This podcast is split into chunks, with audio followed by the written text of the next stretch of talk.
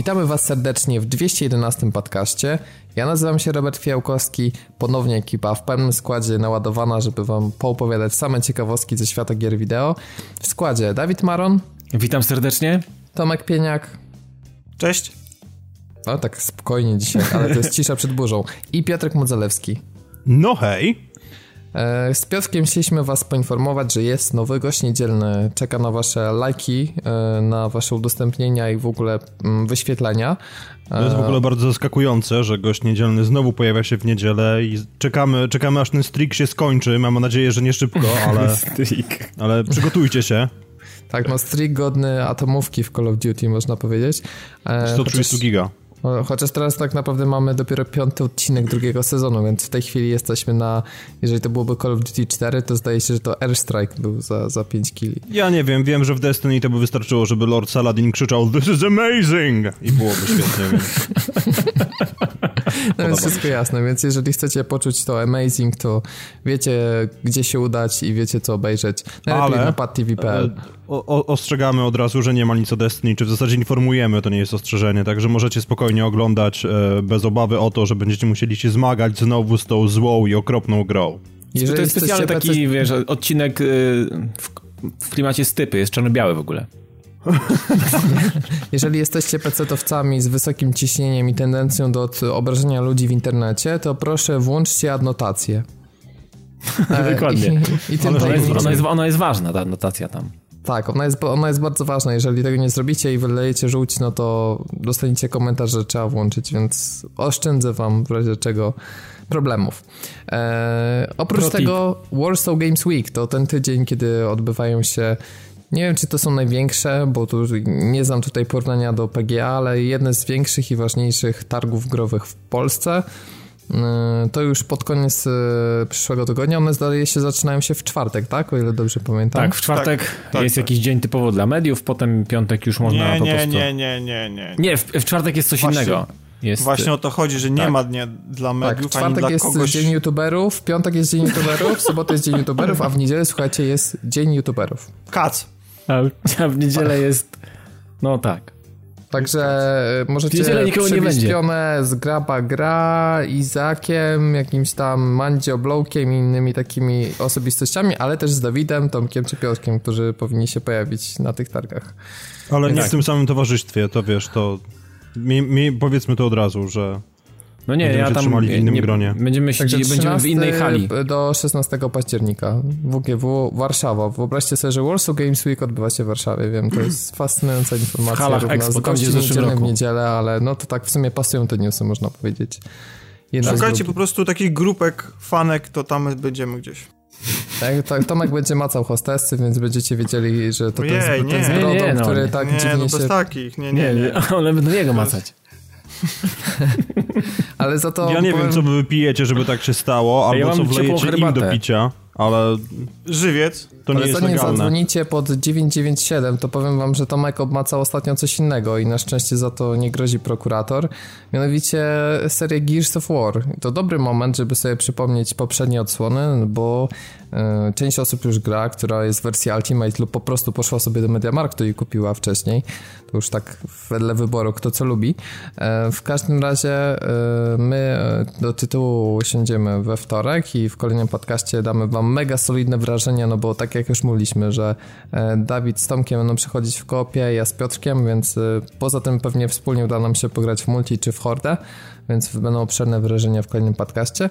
Zanim do tego dojdzie, to e, Tomek ostatnio ograł trzy części, można powiedzieć w pewnym Szaleniec. sensie nawet trzy najnowsze, no bo w kolejności jakby od daty wydania ograł Gears of War 3, E, Gears of War Judgment i Gears of War Ultimate Edition. No tak, wiem, że jedynka była wcześniej, ale no to jest ten remaster, który e, w zeszłym roku się ukazał. Powiedz, yy, ogrywałeś to wszystko na, na Xboxie One, jak rozumiem, tak? Tak, tak, tak. Czyli trójkę Muszę też grałeś na One, nie... w sensie nie na, czy we wstecznej kompatybilności, a nie, nie też na 360. Nie, trójkę w ogóle ogrywałem pierwszy raz, ponieważ, zresztą Judgment też, ponieważ jak tuż przed premierą trójki, jak miałem X360, to musiałem go niestety sprzedać wtedy z wielkim bólem i nie miałem nigdy okazji zagrać. To był pierwszy raz, kiedy. No to ciekawe. E, kiedy grałem w trójkę. Tak. No Chciałem właśnie. sprawdzić, czy, czy, czy przed czwórką przede wszystkim, czy mm, czy ta mechanika i w ogóle cała, czy ta seria przeżyła do naszych czasów i czy ma rację bytu i czy trzeba coś e, w niej wprowadzać, jakieś zmiany i tak dalej i przypomnieć sobie pewne niektóre rzeczy, bo na przestrzeni dziejów, słuchajcie, te gry są strasznie stare tak naprawdę. Pierwsze Gearsy wyszły w którym? W 2008? Nie, 7? no to przez 2006 rok, to z tego co pamiętam. To 2006 pierwszy... rok, słuchajcie, tak. 10 lat. Tak, i pamiętam, lat. E, że to, to była gra, która, no ja kupiłem Xboxa 360 z Forza Motorsport 2 i ona zrobiła dla mnie spore wrażenie, bo przesiadłem się z ogrywanego regularnie Gran Turismo 4. No jednak różnica graficznie naprawdę była, była spora, mimo że dwójka była trochę plastikowa. E, natomiast e, jakby taką właśnie pierwszą grą, która z taką typowo właśnie jakąś strzelankową czy przygodową, gdzie jest jakaś fabuła, która mnie absolutnie rozwaliła, no to były Gearsy. E, generalnie mi się wydaje, że nawet ona nie tyle zaskakiwała też grafiką, no bo tym oczywiście tak, ale przecież to była gra, którą przypominamy, ona wprowadziła rewolucję w cover shooterach, tak? Znaczy ona w ogóle wprowadziła ten gatunek, e, można powiedzieć. E, czy, znaczy, nie, nie, nie była pierwszą nie... grą, która wykorzystywała tak. tę mechanikę, ale po niej no, wszystkie gry trzecioosobowe starały się w mniej lub bardziej udolny sposób e, tę mechanikę u siebie implementować w takiej formie, jak to się pojawiło w Gearsach właśnie. Tak, to prawda. Pierwszą grą, która to wprowadziła było Kill Switch, ale jako taka nie, nie odniosła sukcesu, ponieważ no nie była też specjalnie dobrą grą. Taki typowy średniak, ale ta mechanika została zaadaptowana do Gearsów i, i wykorzystana i, i, sporządzona, upichcona przez e, twórcę serii, czyli Cliffa Bleszyńskiego, czyli Cliffego B wtedy. Prawdziwą gwiazdę roka niemalże mm, giereczkowa, coś, co ostatnio nawet wspominałem, że obecnie nie mamy takich gwiazd, takich um, ludzi, którzy są bardzo rozpoznawalni, którzy zachowują się właśnie jak takie gwiazdy roka, którzy, um, którzy, którzy świecą twarzą i są twarzami serii. Właściwie mamy jedną uber gwiazdę, czyli Kojimę, ale poza tym to właściwie wszyscy ci ludzie właśnie jak Bleszyński gdzieś tam się ewakuowali, robią jakieś swoje mniejsze projekty, e, a poprzednia generacja w takich ludzi obfitowała. Mieliśmy Jay Redmond, e, Raymond, e, mieliśmy właśnie Bleszyńskiego, e, mieliśmy też e, stare gwiazdy się dorobiły statusu kultowego takiego i, roz, e, i bycia rozpoznawalnym. Także e, za sukcesem Gearsów i, i, ojcem tej serii był właśnie Cliff Berszyński. Co ciekawe, mm, ta gra w ogóle nie miała tak na początku wyglądać, nie miała być żadnym kosmicznym, że rozgrywającym się na jakiejś obcej planecie shooterem, z, gdzie żołnierze walczą z kosmitami, znaczy z, z jakąś dziwną rasą i tak dalej. Miała być e, kooperacyjnym shooterem mm, multiplayer, nastawionym głównie na multiplayer, a ciekawostką może być to, że później jak w toku prac zarzucono właśnie multiplayer, skupiono się bardzo mocno na singleplayerze, a multiplayer, który zresztą okazał się sukcesem, dodano niemalże w ostatniej chwili. No właśnie, Więc i teraz taka... chciałem tylko zwrócić uwagę na że to, że mówimy super grafika, to jest jedno. Wspomniałeś kooperacja, e, gra w mainstreamie konsolowym, tak. gdzie kampanię przechodzimy we dwóch, w, w tak. koopie, super. E, mamy naprawdę mega miodne multi, e, w którym e, można powiedzieć udało się wreszcie ogarnąć ten problem, że niektórzy nie lubią grać w te w strzelanki na padzie, a ona była idealnie dostosowana pod pada. Miała świetny design map, miała dedykowane serwery, miała fajną mechanikę związaną z tym, że dobijamy przeciwników. E, chyba, że strafiamy im headshota, więc e, poza tym e, całe związane z, z tym rolowaniem i, i, z tym, że dalej ten system osłon działał w multiku, no naprawdę jest masa rzeczy, które... I jeszcze jedna mechanika, drobna pierdoła, ale uwielbiałem to zawsze w Gearsach, czyli Active Reload. Tak, bo to jest właśnie to, to, to, to, to o czym teraz mówisz. To, to, o czym, to, o czym teraz mówisz, to jest właśnie to, co stoi w pierwszej kolejności za sukcesem Gearsów, bo to jest gra, która stoi bardzo, bardzo mocno gameplayem i to jest bardzo prosty gameplay w założeniu, natomiast jego wykonanie jest niemalże perfekcyjne. Znaczy, to, to jest perfekcyjne wykonanie. Znaczy, to jest gra o gościu, o gościach, w których, którzy się kryją za osłonami i strzelają do no tak, ale chciałem zauważyć, do, jak do, do model był strzelanie. Zobacz, jak dużo tak. gier, które wyszły po Gearsach, które próbowały adaptować ten system z Gearsów. E, najczęściej im się to nie udawało i zawsze było tak, że no, Dokładnie. no jest spoko, ale Gearsy to nie są. I mniej więcej tak co druga strzelanka trzecioosobowa, która wychodziła nawet 3, 4, 5 lat po Gearsach, mniej więcej można było tę łatkę im przypiąć. Dokładnie, bo tak jak powiedziałeś, to jest gra, która moim zdaniem naj bardziej wpłynęła na całą generację, na całą poprzednią generację, jeśli chodzi o grę. Zainspirowała wiesz, bardzo wiele tytułów, jeszcze... no. Takie jeszcze jedno małe ale, ona wpłynęła nie tylko na generację software'ową, ale też wpłynęła na nią hardware'owo, bo nie wiem czy wiecie, ale przy projektowaniu Xboxa 360 bardzo duży właśnie był udział mm -hmm. Epic Games i podczas jednego z wykładów, na których miałem przyjemność być na GDC, Mike Caps mówił, że to właśnie Epic przekonał Microsoft do zwiększenia ilości pamięci w Xboxie 360 do 512 MB. No, no więc, więc oprócz tego jeszcze, oprócz jeszcze właśnie software'owo, to jeszcze hardware'owo wpłynęło na całą generację. I być może dzięki temu właśnie e, znaczy była to kolejna cegiełka do, do sukcesu Xboxa. natomiast przynajmniej w tej początkowej fazie. Natomiast wracając jeszcze do samego gameplayu, to jest tak, że często się u nas w Polsce żartujemy sobie, że to są grosy, prawda? Mhm. tak, no, no, często się tak, tak mówiło. Dla mnie, dla mnie, jak patrzę na Gearsy jako całość, zwłaszcza na, na pierwszą część, to jest... Mm, to właściwie to jest bardziej bigos. Znaczy, to jest, to jest taka potrawa, którą, na, którą, na którą patrzysz i tak myślisz sobie, hmm, no ciekawe, bo dużo rzeczy po prostu tak wydaje się po prostu być tam wrzuconym, tak nie do końca z, prawidło, z prawidłami sztuki i tak właściwie czy to jest strawne i o dziwo właśnie w tym tkwi geniusz Blesińskiego i, i, i tutaj pokazał prawdziwy kunszt twórcy gry, gier, wszystko jest niemalże doskonale spasowane. Zatem to, to jest magia Gearsów, że stawiając tylko i wyłącznie na, ten, y, na to strzelanie, na ten czysty taki, czysty, czystą mechanikę, czystym gameplay, potrafił opracować ją tak doskonale, mm, że ta gra właściwie niczego więcej nie potrzebuje, a jednocześnie mimo wszystko i tak zawiera w sobie bardzo dużo treści.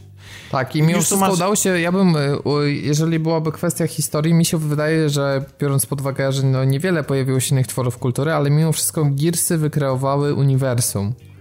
Może tak, to nie jest to... uniwersum wielkości Mass Effecta, ale to w dalszym ciągu jest uniwersum. I taki jednak ten, ten cały, mimo wszystko jako tło trochę tej historii, ale to gdzie mogliśmy sobie wiele rzeczy też naopowiadać naokoło, przez jakieś znajdźki dodatkowe, czy właśnie, nie wiem, rozbudowane e, książki dodatkowe, czy komiksy, ale one tworzą naprawdę bardzo taki fajny, tworzą taki świat, któryśmy za cholernie chcieli się znaleźć, ale jednak ma się wrażenie, że to nie jest tylko i wyłącznie historia tych czterech e, żołnierzy w składzie Delta, ale znacznie coś znacznie większego. I to jest fajne, że na początku się zaczyna od tej historii właśnie osobistej, ale szybko bardzo dostajemy to tło, że po prostu świat ma przewalone, tak? I my musimy się tak. w tej nowej rzeczywistości jak odnaleźć. najszybciej odnaleźć. I taka wojna beznadziejna, to jest bardzo fajny taki ten motyw, nie? Że sam ten, pamiętacie, taki trailer się pojawił Gearsów z, ze świetną piosenką, już teraz zapomniałem tytułu. Mad World. Mad World, właśnie, no. Tak. On tak świetnie wprowadził w klimat tej gry i właśnie to był taki pierwszy moment, który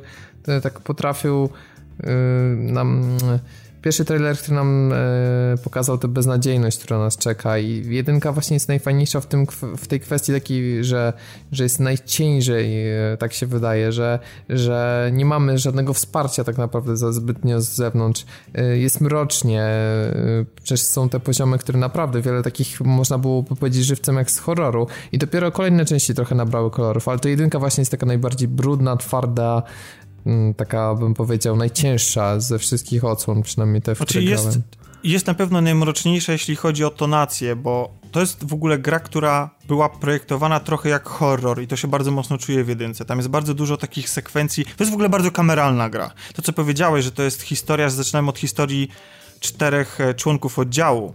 E, to jest w ogóle zresztą bardzo ważne do samego końca historii, ponieważ mimo tego, że później skala się rozszerza i jesteśmy e, świadkami epickich wydarzeń, które zaważą o historii e, tego, tego uniwersum, tej planety, to i tak cały czas twórcy mają na uwadze relacje pomiędzy tymi bohaterami i, i ich charaktery i, i, cały czas się na nich również skupiają. Ale ja w ogóle jak się, śmiesznie, bo teraz ogrywałem właśnie Ultimate i przypominałem sobie fabułę, to jest niesamowite, że właściwie tam nie ma w ogóle prawie żadnej fabuły. To jest, y, jeśli chodzi o jedynkę. To znaczy, poznajemy postaci, ale to, co mamy właściwie tam do zrobienia, to jest nam wytłumaczone w briefie, który jest nam podany podczas ostrzału. Nie ma żadnej nawet przerwy na to, po prostu krzyczy do nas e, nasz dowódca, co mamy zrobić i de facto właściwie cała gra na tym polega. Mamy to zrobić, po czym następuje druga część planu, mamy zrobić coś jeszcze. Nic więcej, żadnych wielkich zwrotów akcji, żadnych wielkich epickich, nie wiadomo jakich wydarzeń, po prostu jesteśmy czteroosobowym oddziałem, który ma do wykonania zadanie i to jest bardzo, bardzo kameralna historia, mimo tego, że na końcu walczymy z bossem i tak dalej, i tak dalej.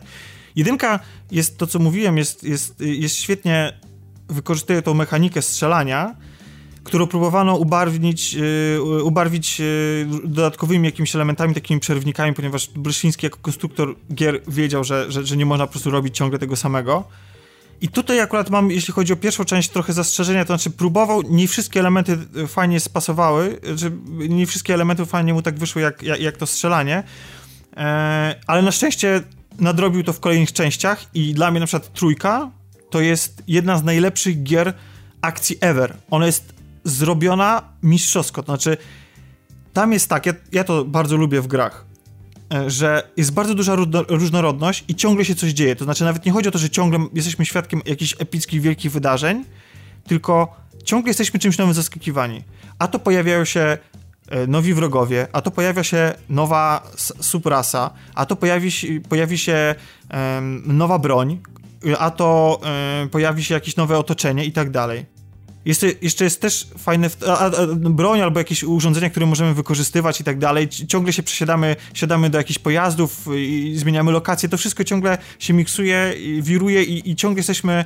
Nie, nie mamy szans, y, szans i czasu na to, żebyśmy się znudzili ponieważ ciągle dostajemy coś, coś fajnego. Jeszcze wracając na chwilę tylko do, do tej konstrukcji świata, to co opowiedziałeś. To jest mhm. niesamowite, że mimo tego, że nie ma tam tej fabuły jako takiej, tak wprost wyłożonej, bo ciągle, nawet przez wszystkie trzy części jesteśmy po prostu oddziałem, który wykonuje swoje zadanie. Oczywiście tam w przypadku trzeciej części już ta fabuła się rozszerza, jednak jesteśmy świadkami ważnych wydarzeń, ale fajne no, jest to... W bym powiedział jednak, że ona no tak, się tak, tak, tak, tak, tak. Ale fajne jest to, że właściwie musimy sobie właśnie bardzo dużo, że, że to nie jest tak, że że my znajdujemy się w jakiejś lokacji, bo twórcy sobie wymyślili, czy być może tak było, ale w efekcie tego tak nie czuć, że twórcy, twórcy sobie wymyślili, a teraz damy hmm, y, poziom y, fabryce, bo tak. Nie, to, to jasno wynika z akcji, czy z założeń scenariusza i fajne jest to, że każda lokacja nam coś mówi o tym świecie. Ja uwielbiam y, architekturę tego świata. O właśnie, to, jak tak, on jest to jest tak. Gearsy mają niesamowicie tak, one trochę, trochę gotyckie, y, ale takie ja bym powiedział, że to trochę zajeżdża kolonializmem tak, tak, amerykańskim. To jest, I, to, to jest, jest, to jest wszystko, wszystko jest tam ciężkie. To, to, to jest tak, świetnie tak, zrobione. Wszystkie tak, takie to, mechanizmy, to, jak mamy łańcuchy, jakieś windy i tak dalej, jak one nawet upadają, to zawsze taki dźwięk, taki dudniący, to wszystko jest takie grube. E, przestrzenie od, nawet pod ziemią potrafią też być takimi olbrzymimi jaskiniami, gdzieś tam jakieś lawy i tak dalej. To, to zawsze robiło też mega robotę. Natomiast jeszcze chciałbym na moment wrócić do jedynki i do tego mm. w kontekście Ultimate Edition, które grałeś, bo ja nie grałem w wersję odświeżoną, ale po tych screenach i materiałach wideo, jakie widziałem, to zastanawiam się, czy ta zmiana kolorystyki stylistyki, która się odbyła, ona niestety nie zabrała gdzieś ten klimat e, z tej oryginalnej odsłony, która jednak była właśnie bardziej mroczna. Ja tam, ja tam prawdę mówiąc nie zauważyłem tej zmiany kolorystyki. Dla mnie ta gra wygląda fenomenalnie. Jedynka wygląda olśniewająco, znaczy przy założeniu, że to jest remaster, tak? Znaczy remake. Y, znaczy remaster, nie, no, remaster, no, remaster, remaster, tak. E, ale wygląda niesamowicie. Jest bardzo klimatyczna, bardzo mroczna i wygląda najfajniej ze wszystkich części. Znaczy zgadzam się z tym, że mimo tego, że... Znaczy może gdybym trzecią grę z kolei dostał w takiej samej tonacji, w takiej samej kolorystyce, to by było już za dużo i, i, i oni to doskonale o tym wiedzieli, że nie tylko chcieli tą kolorystyką poszerzyć gru, grupę odbiorców, ale też po prostu by się to przejadło ciągle to samo, no, szarobura. Z tym, bo trochę było zarzutów, nie? Ale mi się wydawało, tak. że jednak remaster trochę tam pozmieniał tę tonację, ale mówisz, Być że... może, ja nie, ja nie pamiętam, ja nie pamiętam jedynki, natomiast y, remaster zrobił coś, y, co też moim zdaniem świadczy o, o, o, o geniuszu Bleszyńskiego. Mianowicie do, mamy dołączony do tej części y, fragment misji, dodatkowe zadanie, które było wcześniej ekskluzywne dla wydania na PC. No i to jest PC. w ogóle poziom, który z, zrobiło People Can Fly, to żeby wiedzieć, to Polacy zrobili ten poziom. Także jeżeli mówisz trójc... o geniuszu, to, to tutaj geniusz raczej no więc właśnie chciałem, no, więc, no więc właśnie chciałem powiedzieć. Otóż e, to jest przykład tego, ten fragment pokazuje, jak czasami za długa gra e, jest za długa. To znaczy w sensie jak, jak pewne elementy, jak, jak przyrządzając coś, konstruując coś, tworząc coś, trzeba umieć się też pozbywać niektórych elementów. Bo to jest właśnie ten moment, te, dodatkowe zadanie, to jest ten moment, w którym czuć, że coś, że, że spowolniliśmy, że, że, że tego jest za dużo, że nagle stoimy na moście, który musimy bronić, który musimy aktywować jakiś przełącznik, żeby się przedostać dalej i to trwa wieki. Wykonujemy, idziemy od kolejnego do kolejnego przełącznika, to jest po prostu czuć, że to jest rozepchany fragment gry i fajnie, może inaczej, znaczy okej, okay, jest, jest to dodatkowy, dodatkowy gameplay, wydłużony czas rozgrywki, ale rozumiesz, ale... dlaczego zostało to wycięte po prostu. Tak, tak, tak. jak dobry Blesiński, jak dobry reżyser zrobił odpowiednio, wiesz... Yy, znaczy, no, no po prostu odpowiednie sceny znaczy... zostały wycięte, żeby dodać dynamiki. Czyli zgodnie z zasadą, że jeżeli coś nie. W... Właśnie, to jest szkoda, że tak mało gier yy, jakby czerpie z, z, zasady filmowej, tak? Że jeżeli jakaś scena w grze nie wprowadza nic, ani nie, nie poznajemy lepiej świat, ani postaci, ani bohaterów, to ona powinna być niepotrzebna. Dokładnie. Dokładnie. Poza tym yy, w jedynce akurat to, to jest zarzut. Znaczy, akurat jedynka się kończy w taki dosyć słaby sposób, bo sekcją, to nie jest żaden spoiler, właściwie już tyle lat po premierze, na pociągu, każda gra akcji strzelina tak. musi mieć jakąś sekcję na pociągu. No to było I, strasznie i, takie klisze, prawda? Po tak, raz kolejny. I, i, I walką... To wiesz, tam klisza kliszą, tutaj walka walką, ale po prostu, nie wiem, mnie jakoś taki patos kompletnie zabił na koniec, bo tam tylko trzeba było jeszcze wetknąć amerykańską flagę i podmienić ścieżkę na hymn i po prostu no byłoby tak, jakbym oglądał film Michaela tak, Bay'a. To było trochę już no, over the top, mam wrażenie. No tak, ale, ale takie, takie są Gearsy, one bardzo często uderzają w dziwne tony, takie over the top i że, że one fajnie, znaczy mi się akurat to bardzo podoba, bo być może w takim natężeniu, kiedy mamy tam Call of Duty i Gearsy, wtedy, kiedy wychodziło tyle tych gier, to akurat mogło być faktycznie trochę się to przejeść, natomiast y, teraz, nie wiem, no, mi się to wpisuje doskonale w ten świat. Nie, nie podoba mi się ostatnia walka z bossem w jedynce, czy po pierwsze jest słaba jako mechanicznie, jest prosta, prostacka wręcz, mimo tego, że no, no ja już jej nie ogrywałem od kilku lat, ale mi się wydaje, że tam po prostu Strzelać. trzeba było robić jeden wielki tak, spam tak. torkbołem. Znaczy, nie wiem, ja po prostu strzelałem i no, nic, nic, nic wielkiego się tam, y, tam, tam się nie wydarzyło, ale ja mam y, pretensje o co innego, ponieważ y, y to była taka trochę osobista sprawa, y, pojedynek z tym bossem, tak? Bo on coś jakby wyrządził mhm. głównemu bohaterowi krzywdę i tak dalej. I uważam, że nie powinno się wtedy konstruować walki z bossem na odległość. Znaczy ja wiem, że to jest strzelanka, ale ta walka powinna się zakończyć bardzo bliskim jakimś kontaktem, tak? Nie wiem, nawet jeśli miałoby to być QTE, gdzie on mu wbija tam jakiś y, nóż czy cokolwiek, czy coś tam się dzieje. No nie to wiem, powinno być wiesz, bardzo osobiste. Mi się wydaje, że konstrukcja... Znaczy to powinno być po prostu konstrukcja bossa na to by nie pozwoliła, no bo Ram zabijał jednak za pomocą tego swojego znaczy, ostrza, więc tutaj byłby no, jeden strzał Okej, okay, no ale to można było to jakoś go wymyślić, znaczy, po prostu, po prostu od, jakby walka na odległość zabiła trochę ten element takiego tej, tej osobistej potyczki, tak? Ale w ogóle jedynka się kończy yy, cliffhangerem, Później mamy dwójkę, którą, którą y, pamiętam, której teraz akurat nie ogrywałem, która zrobiła na mnie wtedy ogromne wrażenie. Skala się powiększyła. Co ciekawe, bardzo fajnie, ponieważ nie wiem, czy engine na to nie pozwolił.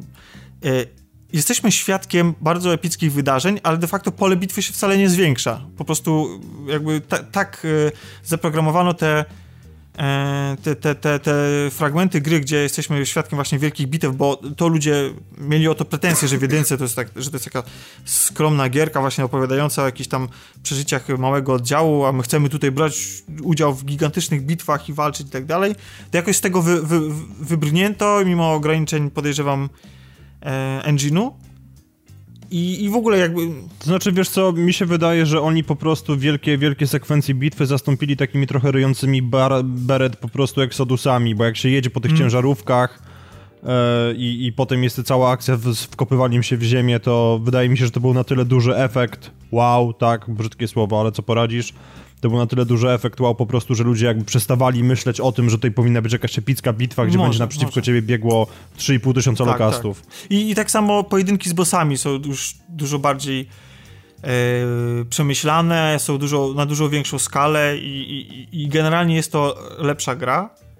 E, plus oczywiście dowiadujemy się dużo więcej o świecie, poznajemy ten lore, ta fabuła też jest nadal bardzo zdawkowo tak naprawdę opowiadana. I, i w dwójce dochodzi też pewien element, który akurat Gears sobie, sobie z nim moim zdaniem nie do końca radzą. Mianowicie próbują być bardzo emocjonalne, ale nie na poziomie świata.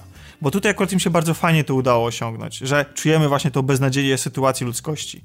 Czujemy, że rząd, pod którego, yy, któremu służymy, nie jest do końca idealnym rządem i że no, ale historia tej planety... nie zostać głównym dyplomatą za to, co powiedzieć, nie jest do końca idealnym tak. rządem. Znaczy tak, no ma, ma, ma sporo za uszami. sprawę po całości. Tak, i to wielokrotnie. I generalnie, ale nie tylko, nie tylko on, ale też i jakby druga strona konfliktu, ponieważ zanim e, zaczęła się bitwa i wojna z e, z szarańczą, to, to, to ta ludzkość żyjąca na tej planecie toczyła wieloletnią, tam zdaje się 79 lat trwała ta wojna o, o surowce i tak dalej. E, I generalnie tam wszyscy mają za uszami i cały ten element taki właśnie, jeśli chodzi o emocje dotyczące świata, jest bardzo fajnie się udał. Natomiast nie do końca, wydaje mi się, te wszystkie elementy dotyczące osobistych historii zostały dobrze Ale wiesz co, tutaj to dwójka już, nie, możemy zrobić płynne przejście do dwójki, bo... Tak, no to już jesteśmy przy dwójce, no. Moim zdaniem dwójka właśnie najbardziej poległa na, na, na tym polu emocji. Znaczy, no można... Znaczy w dwójce się zaczął motyw doma i w ogóle ta postać, oni kompletnie jak dla mnie nie, potla, nie potrafili tak zrobić, żebyśmy mu autentycznie współczuli, tylko tylko niestety zaczynało nas to denerwować. I był taki kontrast, bo w dwójce moim zdaniem z kolei najlepiej wypada Cold Train, który ma ten, ma ten swój słynny wjazd w pewnym momencie. Tak, to jest tak, scena, tak. która po prostu można powiedzieć, że przyszła do kanonu, tak, gr growego. I jest, jest absolutnie, po prostu każdy jego tekst to bana na twarzy i nawet mi się nigdy nie przyjadła ta postać.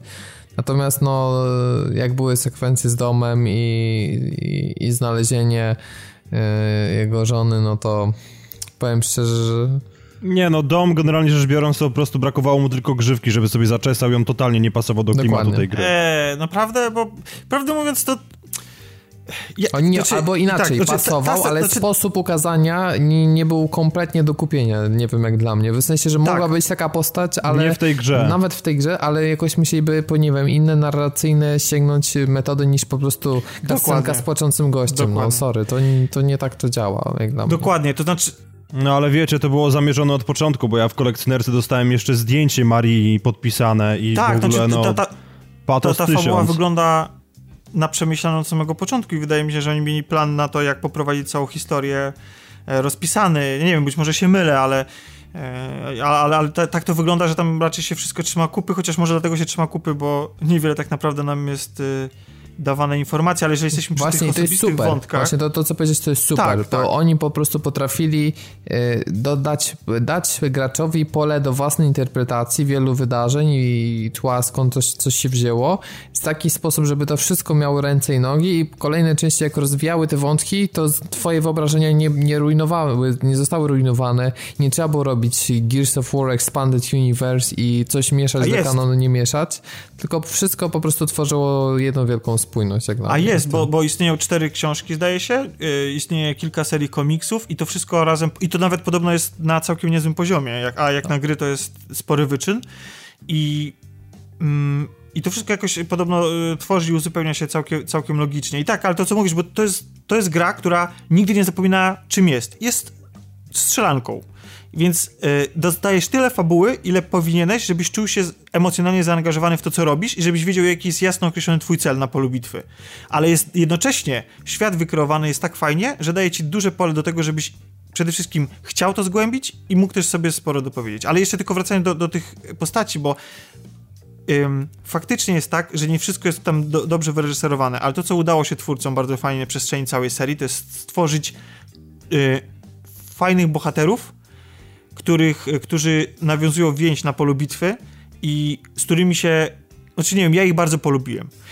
A to wszystko dlatego, że chociaż gra nie jest wcale z tego powodu znana, to moim zdaniem ona się niewiele różni od tego, co robi Uncharted. No jasne, ma innych bohaterów, inny klimat. Opowiada o, nie o podróżnikach, przygodach, yy, skarbach i tak dalej. I, ta, I mhm. tak dalej. Tylko opowiada o żołnierzach, twardych gościach na polu bitwy, ale oni rozmawiają bardzo dużo, wyrażają swoje emocje, oni non-stop gadają. To, są, to jest dokładnie to samo, co, robił Gears, y, co robi Uncharted. Tam każda akcja jest niemalże komentowana, non-stop coś, y, ktoś coś mówi i my dzięki temu, a do tego jeszcze te postacie są bardzo charakterystyczne.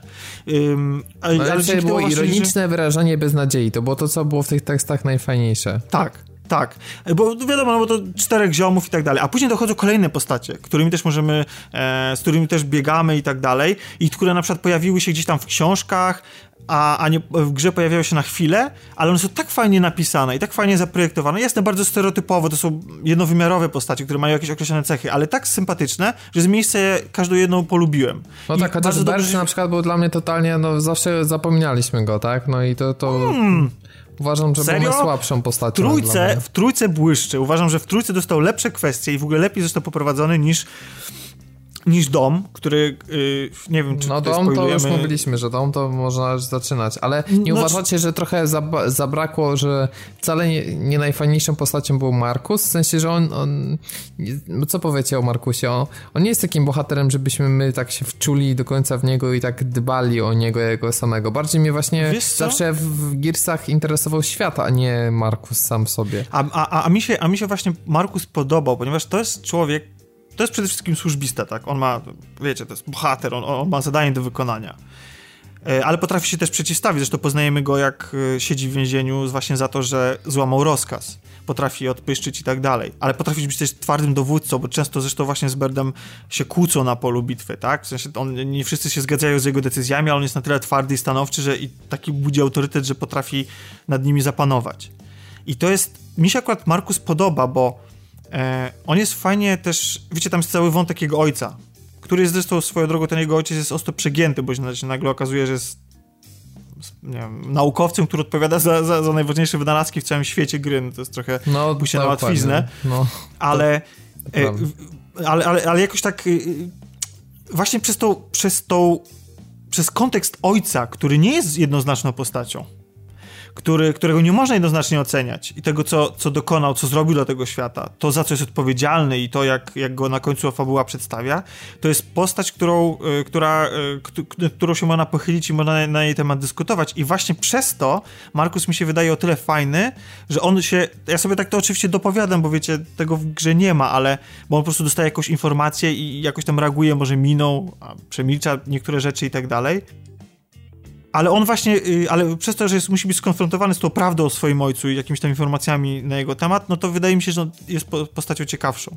I, i, i tak jak mówię, ludzie w ogóle nie doceniają Gearsów za, za, za te za te elementy, tak powszechnie, bo wiadomo, są fani i tak dalej, którzy się przejmują ich losami, czytają książki i tak dalej, ale, ale ogólnie Gearsy są traktowane właśnie jako przede wszystkim strony mechanicznej, że to jest strzelanka.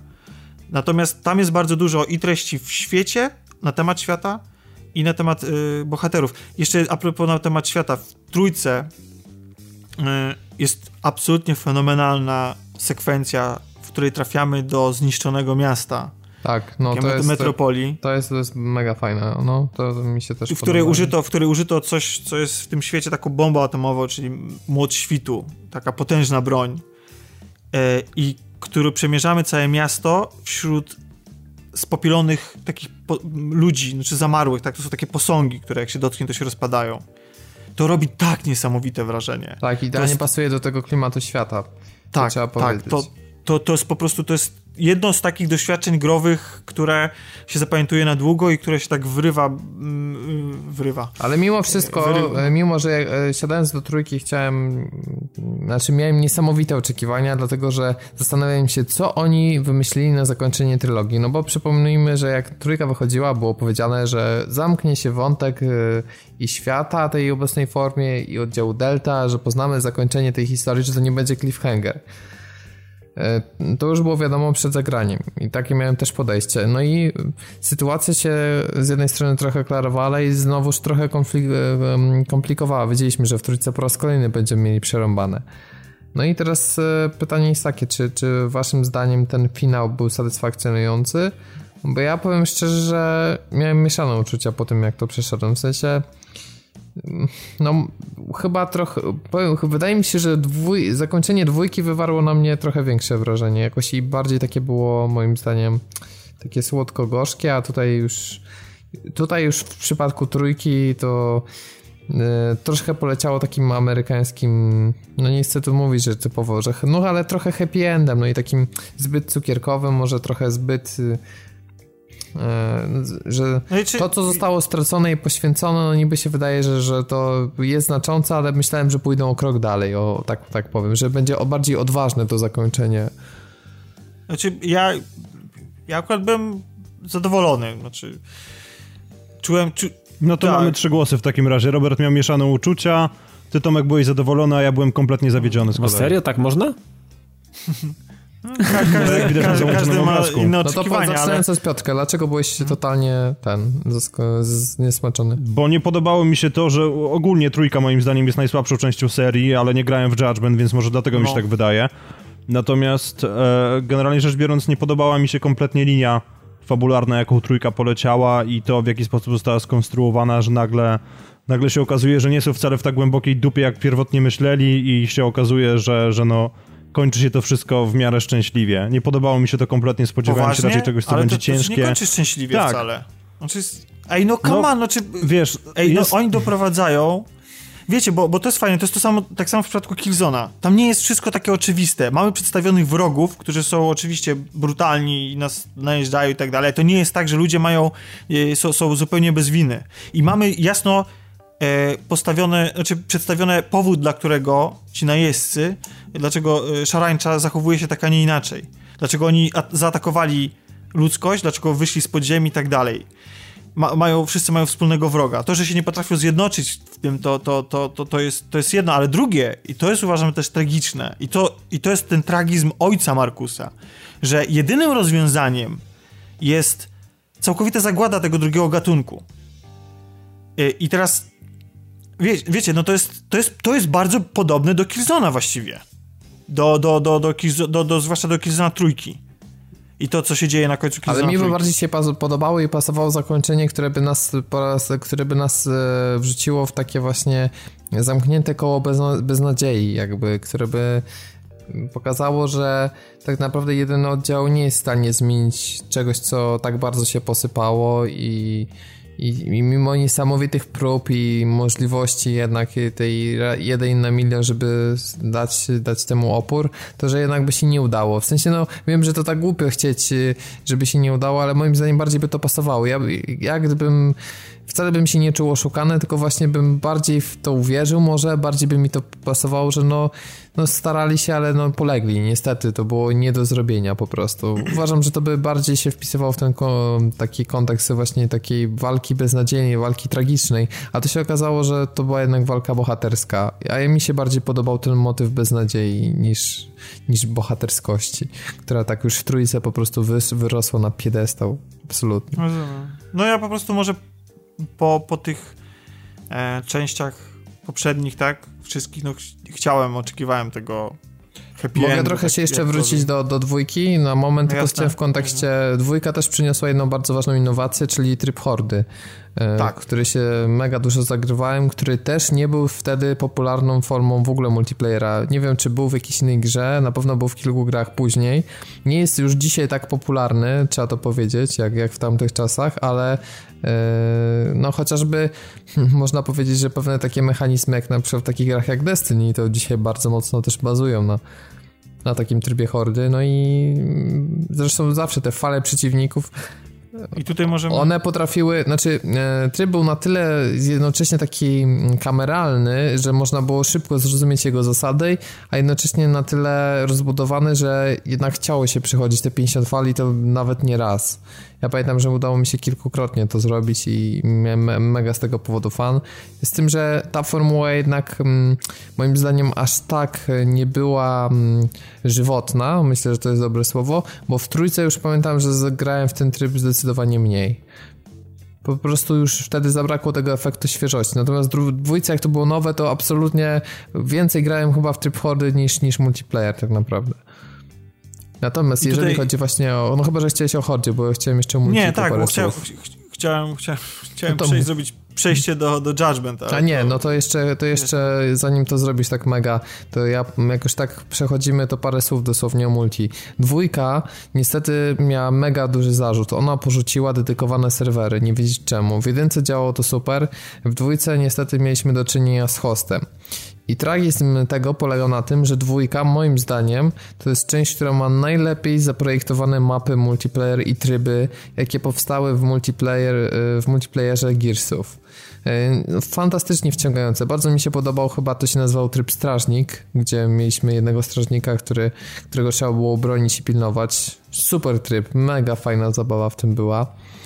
E, Zdaje się, że też można było się wcielać w, lokastów właśnie od dwójki. To, to, to, to, też jakby fajnie dodało jakby takie... No, fajnie się strzelało po prostu w te dwie strony konfliktu, niż jak tylko się ludzie między sobą wyżynali. E, Natomiast niestety brak tych serwerów spowodował, że ludzie, którzy byli hostami, a były nawet sposoby na to, żeby wymusić tego hosta, po prostu kosili przepotężnie. Było tak gorzej niż w Destiny teraz, jeśli chodzi o balans. No, ktoś, kto miał tego hosta, był w stanie strzelić z shotguna z takiej odległości, że mm, u danej osoby, u przeciwnika w grze, no to on był naprawdę dużo za dużo, dużo za daleko, jeśli chodzi o, o możliwość efektywnego strzału z takiej broni. I była totalna masakra.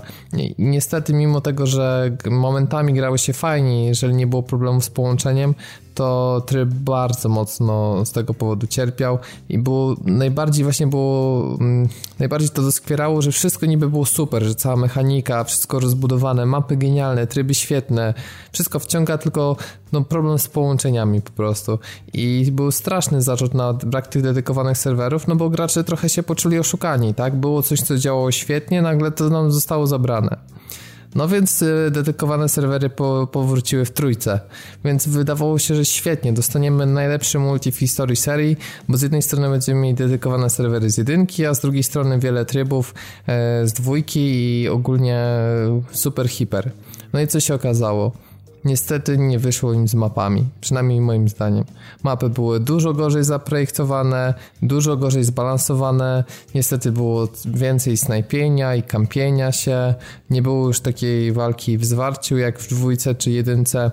E, to jest pierwsza sprawa. E, po drugie, e, pomieszali też coś w niektórych trybach i, i nie wiem, czy w trójce nie zabrali tego trybu strażnika, on się może potem jakoś pojawił w zmodyfikowanej formie. Jeżeli tam jakiś, mówię niedokładnie jak jest, ale pamiętam, że jakiś tryb mocno zmienili, który dobrze działał. I niestety, ale ja najkrócej grałem właśnie w multi trójki i byłem bardzo mocno rozczarowany e, właśnie tą częścią pod tym względem.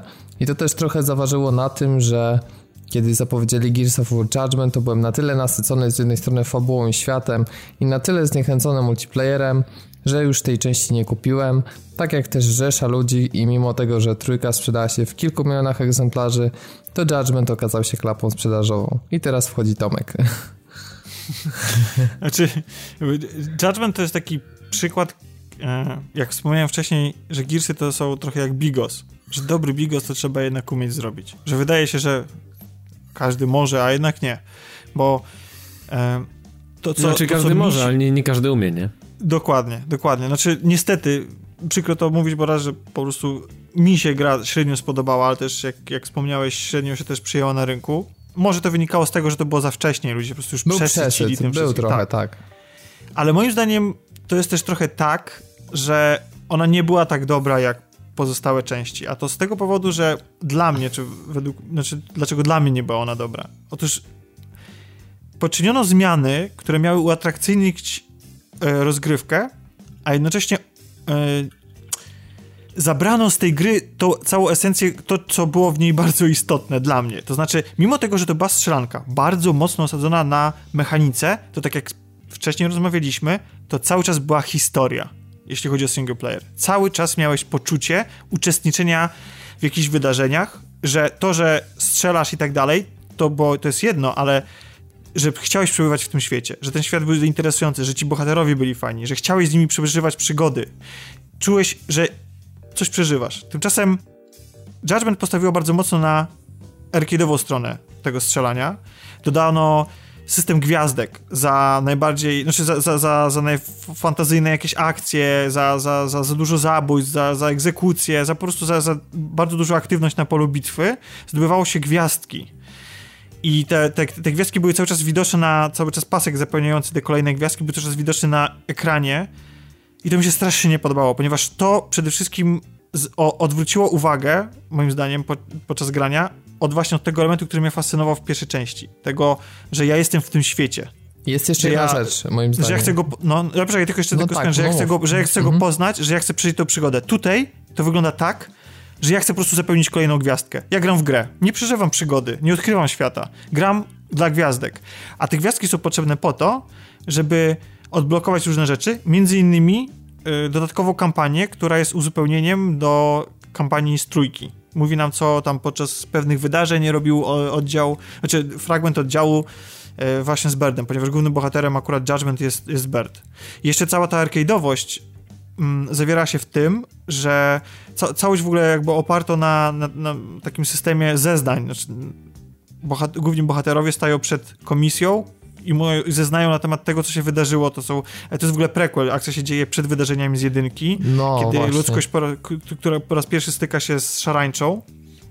I teraz jakbyś mógł na sekundę pauzę, tylko bo chciałem ją uzupełnić dosłownie właśnie. I z jednej strony to jest super, tak? Bo wracamy się do czasów sprzed jedynki, mamy prequel, no sensownie to wyglądało. Natomiast ja chciałem jeszcze tak pomiędzy y, Judgment a trójką pojawiło się jeszcze DLC, które nazywało się Ram's Shadow, które właśnie było dużym dodatkiem DLC no całkiem dużym jak na ówczesne standardy, który właśnie nas cofało do czasu jedynki.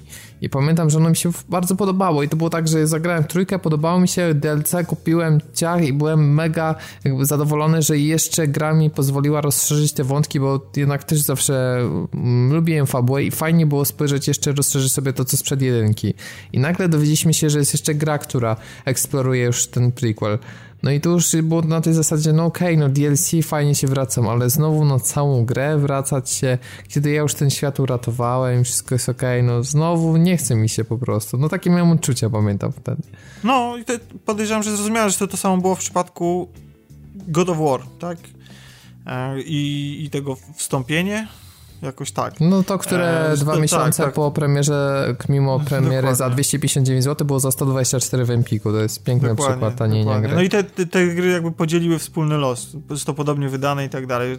Wydawały się skokiem na kasę i, i to, co, to, co wspomnia, wspomniałeś, że to, co mówiliśmy, że, że tutaj historia to jest tak naprawdę zeznania e, czwórki bohaterów, z czego tylko dwójka to jest nam znanych, natomiast reszta to są zupełnie nowi, e, nowe postacie to to wpro pozwoliło wprowadzić taką akurat fajną, moim zdaniem, e, mechanikę, aczkolwiek też podkreślającą arcade'owość tego tytułu, mianowicie e, kiedy każdą misję mogliśmy sobie uzupełnić o dodatkowe takie tajne zeznania, które de facto były po prostu utrudnieniem, tak? Czyli przed każdą kolejną misją mogliśmy sobie włączyć utrudnienie powodujące, jakby u, bardziej uatrakcy, yy, powodujące, że ta misja wydawała się bardziej atrakcyjna, tak? W sensie na przykład nie mogliśmy korzystać z jakiejś broni, albo nagle się pojawiła jakaś burza piaskowa, czy tam, yy, nie burza piaskowa, tylko jakiś tam e, pełno pyłu ograniczającego widoczność i tak dalej, i tak dalej.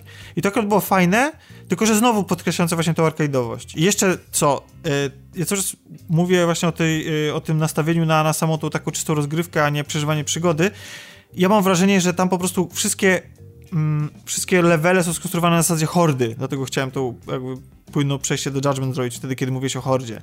Że to nie wygląda tak, że my przemierzamy te poziomy, tylko jest tak, że dostajemy się na jakiś teren i musimy po prostu odeprzeć kilka ataków i dalej, i dalej, i dalej. I tak to ciągle w kółko wygląda. I do tego są to bardzo krótkie są te epizody. I to widać, do... że e, People Can Fly miał trochę zboczenie, prawda? Bo zauważ, że jest pewien e, widoczny styl rozgrywki pomiędzy e, tym dodatkowym poziomem w jedynce, a tym, co, jak to wyglądało w Judgment, prawda? Mm. Mm. Że, bo tam też no. wspomniałeś, że na moście walka, fale, tu przeciwnicy, tak, tak, przełączniki. Tak. To trochę tak się przekłada później na to, jak zrobili własne Gearsy, nie? A szkoda Dokładnie, mega, bo to jest jedyny chyba przykład, nie wiem, czy jest drugi taki przykład. No można powiedzieć, że nie wiem, że Shadow Warrior, ale no bez, z całym szacunkiem.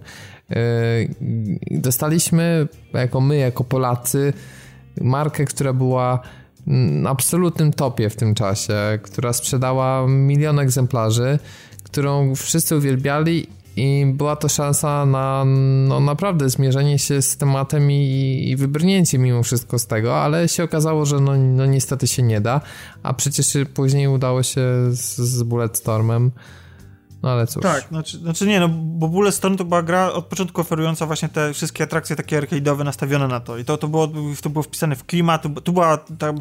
Zresztą Yoshi znaczy, też grał... Tak... wcześniej oczywiście, sorry, sorry, bo ja no, tak, tak, ale, ale, ale... Udało się z Bulletstormem, chociaż nie sprzedażowo, no i wydawało się, że Gearsy to się muszą dać, no ale niestety. No, znaczy, moim zdaniem to tak, znaczy doceniam to, że próbowano coś zrobić z tą formułą, natomiast wydaje mi się, że zrobiono to niewłaściwie. Znaczy, wyciągnięto błędne wnioski z tego, czym są Gearsy. I pokazuje to właśnie ten dodatek, ta, ta dodatkowa kampania, którą odblokowujemy, którą możemy sobie y, rozegrać, y, która się dzieje w czasach trójki, ponieważ tam zmienia się całkowicie. Nie mamy już gwiazdek, y, mamy narrację, mamy, wiemy jaki jest jasny nasz cel, to wszystko jakby jest wszystko w klimatach starych części i tam mi się grało o wiele przyjemniej niż niż Judgment jako taki. Ja Judgment nie skończyłem, e, ale zamierzam, mm, chociaż już zostało do premiery czwórki niewiele czasu. Y, odpowiadając na takie pytanie, bo, bo nie wiem, czy je postawiliśmy, ale ja sobie cały czas grając w te gry stawiałem to pytanie, czy ta formuła się zestarzała? Czy jest sens robić kolejne Gearsy? No właśnie, bo, bo Epic uznało, że nie. Oni sami powiedzieli, że nie mają pomysłu, tak. jak rozwinąć tę markę, nie chcemy wydawać nic na siłę, trochę się spożyliśmy z judgmentem, sorry, nie będzie Gearsów. No i spoko, jeśli oni nie czują się to, było, to była bardzo odważna i bardzo zasługująca na szacunek decyzja. Jeżeli oni się nie czują w stanie kontynuować tego, nie mają żadnych pomysłów na to, no to hej, to super, że oni powiedzieli, że dziękujemy, do widzenia. Oddajemy to problem komuś. z tym, że Epic Games ogólnie ma problem z robieniem gier teraz. No oni w ogóle już teraz nie robią, tak? Fortnite Jakby... to nie wiem, to w końcu wyszło? Nie, przecież chyba się nie pojawiło. Pamiętacie, coś takiego było. E, to no, była pierwsza tak, gra, no, ale oni po prostu robią silnik. No, tam... zapowiedziana na nowym silniku Unreal Engine 4, ale jakoś się nie pojawiło. Robią, mają ten Unreal Tournament w, w becie, czy tam w jakiś tam... No, w becie na PC free to play, play no. No i chyba Paragon jeszcze gdzieś no tam tak. po drodze jest.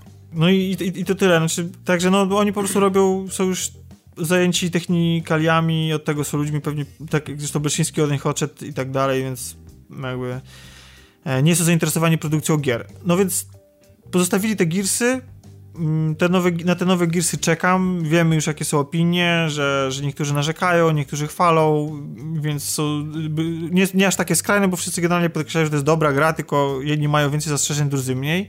Moim zdaniem ta formuła się nie zestarzała, tak jak nie zestarzało się skakanie w platformówkach po prostu. To jest, tylko trzeba umieć zrobić dobre Gearsy.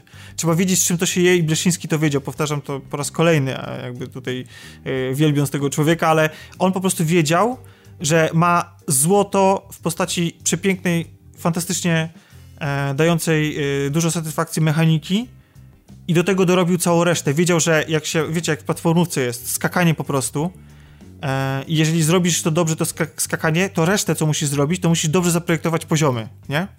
Dobrze wyważyć wszystko. Mhm. Gearsy Breszyńskiego właśnie takie były. Wszystko było, moim zdaniem, prawie wszystko było moim zdaniem e, perfekcyjnie wyważone, dorobione w taki sposób, żeby e, ta mechanika nie nudziła i ciągle sprawiała przyjemność, ponieważ wszystkie inne rzeczy, które się działy dookoła były po prostu świeże, nowe i, i fajne i tyle. I mam nadzieję, że te nowe Gearsy takie właśnie są, że, że, że, że nie muszą być wcale wielce rewolucyjne i odkrywać koła na nowo, to po prostu jest fajna mechanika strzelania. Mam nadzieję, że pokażą mi coś nowego w tych innych aspektach. Inną konstrukcję poziomów, inną, nie wiem, inną fabułę, innych, inne postaci ciekawe, inny, No właśnie świat. to jest dla mnie zarzut numer, znaczy nie, nie zarzut, wróć. To jest dla mnie jedna z największych obaw odnośnie tego, czy nowe postacie będą w stanie być y, choć w połowie tak ciekawe jak te, które były przez, przez poprzednią trylogię, bo z tego co widzieliśmy na trailerach, to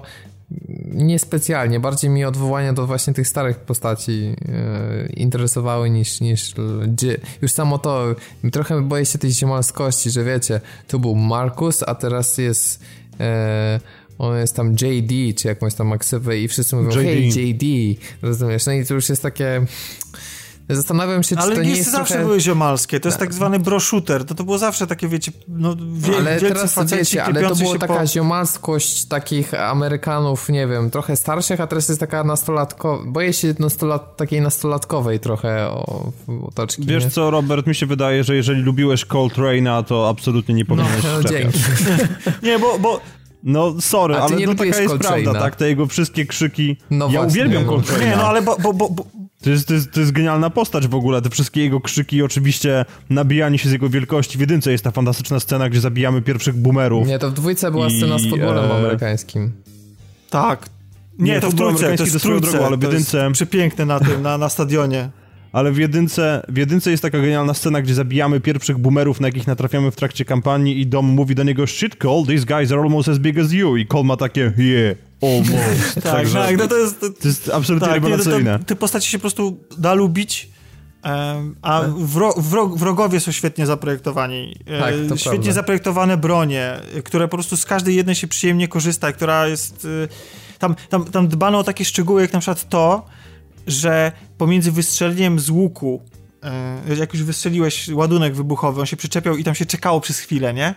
Aż on wybuchnie, to, to, była, to była taka chwila napięcia, takiej, która prowadzi do takiej dziwnej satysfakcji. Po pierwsze, czy się udało trafić, a po drugie, no jakby no jednak to jest rzeź, tak, więc i, i adrenalina pompuje, mm, serce pompuje adrenalinę i tak dalej, to e, i uczestniczymy w tych wszystkich, w tej całej rozpierdusze i czekamy na ten wybuch i nawet w dwójce dodali jeszcze do tego e, do, do tą chwilę oczekiwania jakiś tekst, żeby jeszcze to podbić.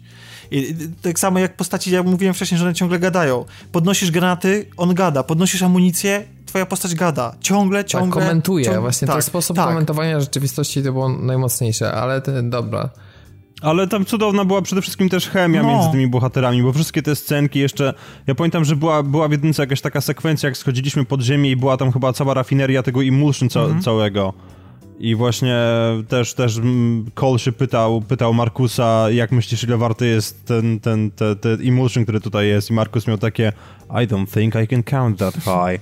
No, to naprawdę no, cudowne to wszystko Dokładnie. było. Tak, no, I oni faktycznie sprawiali wrażenie, że są tym oddziałem, właśnie takim, który na dobre i na złe przeżywa różne historie i są w stanie jeszcze czasami ironicznie, z humorem nawet coś, e, coś e, powiedzieć, ale z drugiej strony wspierają się i walczą ramię w ramię do upadłego. No i mam nadzieję, że tak będzie z nowym oddziałem, z nowymi postaciami i z nową historią. To już powiemy wam w kolejnym podcaście, więc tak z okazji właśnie premiery czwórki postanowiliśmy sobie trochę przejść przez te wszystkie odsłony, więc mam nadzieję, że wam się podobało. Taki zakurzony pad w wersji 3.0 powiedzmy, bo trzy gry były. Gości jest 2.0, to zakurzony pad może być 3.0. E, I teraz wersji Ultimate. Sobie, tak, ale zanim przejdziemy do innej gry, znaczy do gry z trójką w tytule, czyli do, do Wasteland 3, to mamy wieści trochę mniej wesołe, w sensie Tomek na tyle się już nagadał, że stwierdził, że dziękuję wam wszystkim za uwagę i sobie tak. pójdzie. No nie, nie, nie, muszę niestety uciekać do pracy, a bardzo żałuję, bo jeszcze chciałem się nagadać, wygadać o mafii i chciałem się od najnowszej, chciałem się wygadać o dodatku do Deus Exa, no ale to może się uda następnym razem. O ile znowu nam Gearsy nie pochłoną całego odcinka. Także ja się żegnam i do usłyszenia za tydzień i z wami i, i ze słuchaczami. Na razie. Na razie hej. Hej, hej. No, dzięki, trzymaj się hej, a my z Wasteland 3 y, który y, pojawił się na Kickstarterze i tego żeśmy o, jakby na samym początku nie informowali was o tym, natomiast e, dosyć szybko okazało się, że, że zbiórka okazała się sukcesem. Znowu tam 2,5 bańki się pojawią na, na koncie. Tylko trochę mm, jest, jest z jednej strony śmieszna i straszna, ale być może jest odważna data premiery twórców, którą osadzili na stronie, czyli rok 2019. To jest na pewno bardzo ciekawa data, bo, bo to tak dyplomatycznie można powiedzieć w duchu Tomka, który nas już opuścił bo ja nie wiem, co oni sobie myśleli. Generalnie rzecz biorąc jest to śmieszne, no ale z drugiej strony, tak jak rozmawialiśmy przed odcinkiem, jest to w pewien sposób fajne, że mieli odwagę to zrobić.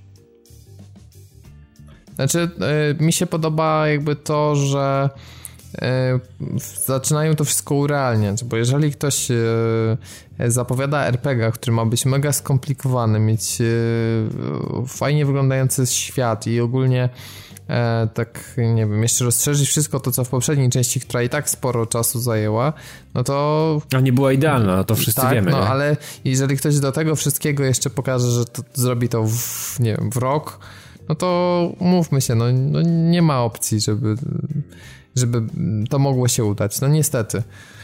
E, więc tutaj można powiedzieć, że brawo, że chcą to trochę urealnić. Natomiast e, problemem jest trochę to, że no, ta gra na razie nie istnieje. Te, te screeny, które widzieliśmy, to one są zrobione przez zewnętrzną firmę i to może nie mieć absolutnie związku z tym, jak gra ostatecznie będzie wyglądać. Znaczy, ja na razie powiem tak osobiście, po doświadczeniach, kiepskich doświadczeniach z dwójką, na razie nie ufam. I pan Fargo to na razie nie wiem, znaczy ja, wiecie, o tej grze będziemy jeszcze mówić milion razy i ona będziemy o niej przypominać sobie regularnie, będziemy o niej zapominać, bo to jest jeszcze kupę czasu tak naprawdę, a na chwilę obecną podwójce kredyt zaufania u mnie jest zerowy. Tak, ja A wiecie, co jest ciekawe? Nie, nie, nie zaprzątam sobie głowy nawet tą produkcją. Wiecie, co jest ciekawe i mnie zaskakuje? Bo tak wpisałem sobie w Google Kickstarter Wasteland 3 i cały czas mi wyskakuje dwójka albo gdzieś indziej i co się okazuje?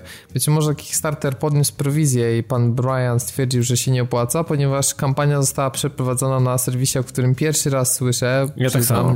Czyli fig.co No właśnie. I figa Znaczy, z ale makiem widzisz, ale to, nie, gry. ale to nie przeszkadzało jakby, żeby, wiesz... Szkoda, że się nie nazywa serwis figa z makiem, bo myślę, żeby pasował do, do tych kampanii, które tam e, często są e, robione. No i nie przeszkodziło to w zebraniu tam prawie trzech baniek.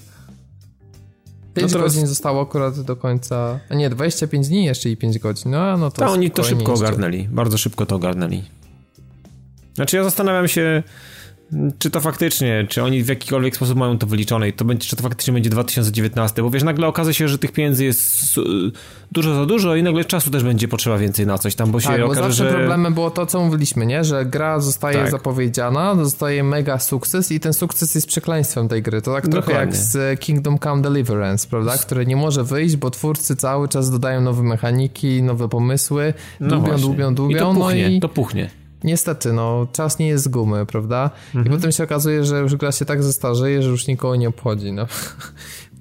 Trochę też tak jest, że Wasteland inaczej robił wrażenie, inną wizję roztaczał e, na początku, innym produktem okazał się być na końcu.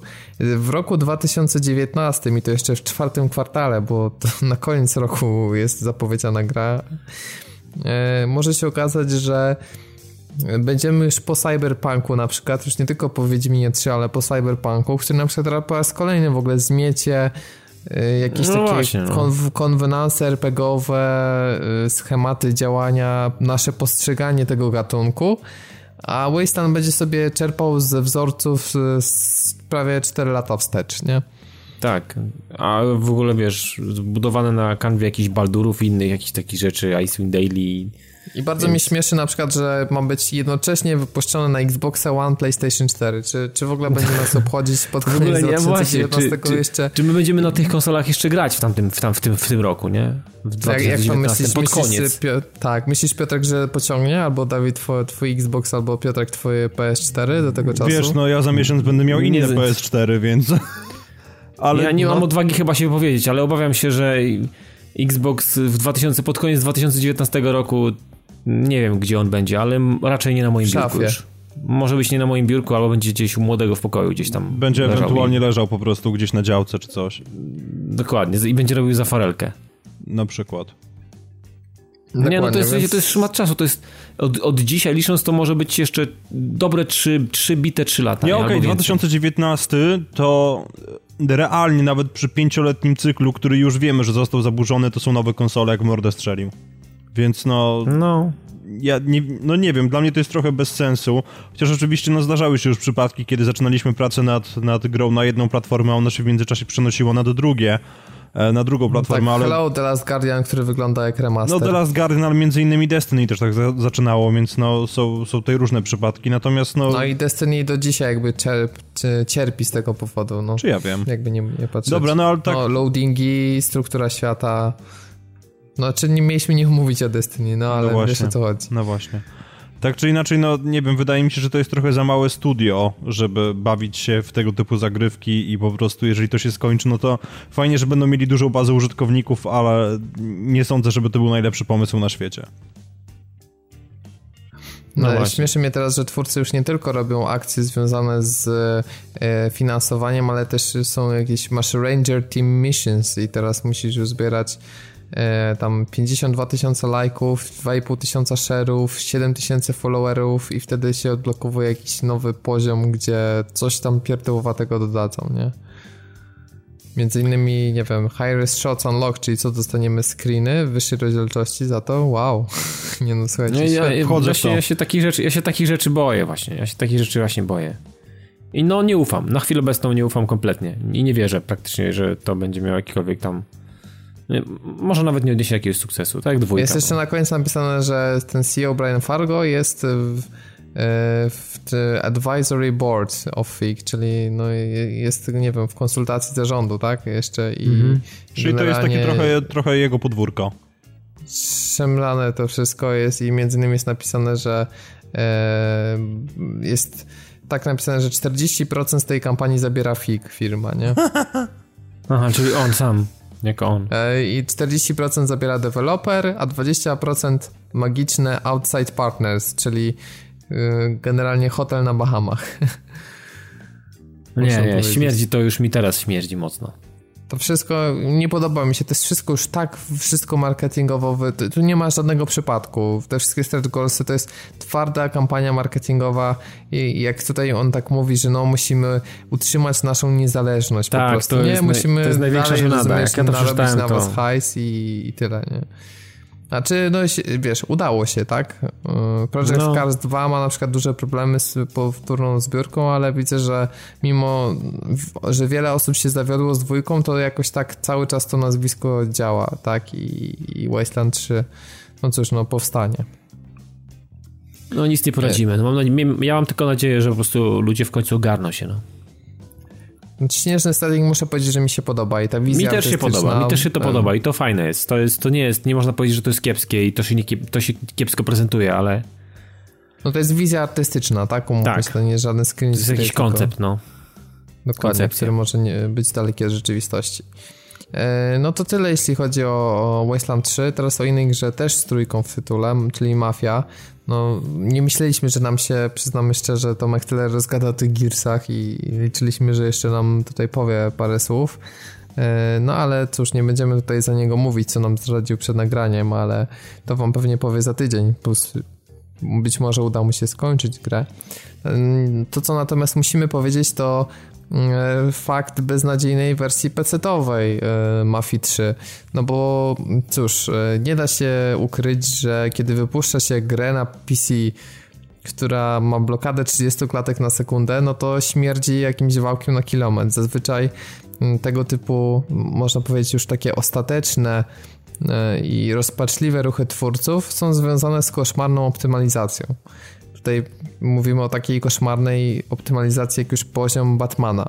No i co się okazuje, no może aż tak mega dramatycznie nie jest, ale pojawiły się testy wydajności już po łatce, ponieważ dwa dni po premierze Mafii 3 pojawiła się łatka, która odblokowała te klatki, czy dała możliwość ustawienia ich na 60 lub w ogóle powyżej limitu. I okazuje się, że tylko karty za jakieś 2,5 tysiąca złotych są w stanie zaoferować e, Full HD, żadne tam 4K, Full HD, jeszcze mowa o jakimś topowym i7, 32 GB RAMu najszybszego, w ogóle SSD dysk odpalone, wszystko, tam 60 klatek na sekundę. Świetnie. E, no. jeżeli mamy generalnie gorsze, gorsze karty, no to takie powiedzmy jak na poziomie PlayStation 4 Pro to jest, ja tam nie wiem, kojarzę, że jakiś tam z numerkiem 480 bodajże, no to, to możemy liczyć na najwyżej stałe 30 klatek, a na pewno nie 60. Więc y, po raz kolejny no, twórcy pokazują, że totalnie nie, no, nie potrafią przygotować te, te porty i przesuwają zbytnio premierę. No i po prostu, no co chcemy wam poradzić? No jeżeli zastanawialiście się nad kupną Mafii 3 na, na PC, ja nie wiem czemu, ale jakoś tak chciałem, dwójkę też miałem na PC, no to, to nie kupujcie po prostu, chyba, że macie sprzęt, który naprawdę jest w stanie no, wszystko praktycznie pociągnąć, no to wtedy może jakoś wam się uda, co nie znaczy, że nie natraficie na masę glitchy, problemów i innego rodzaju bugów. Nie, nie wiem, czy różne, ja widziałem różne materiały. Film, widzieliście filmiki, jak e, tak cienie od chmur tak, się pojawiają tak, tak. i Nagle w ogóle, jakieś, w ogóle takie...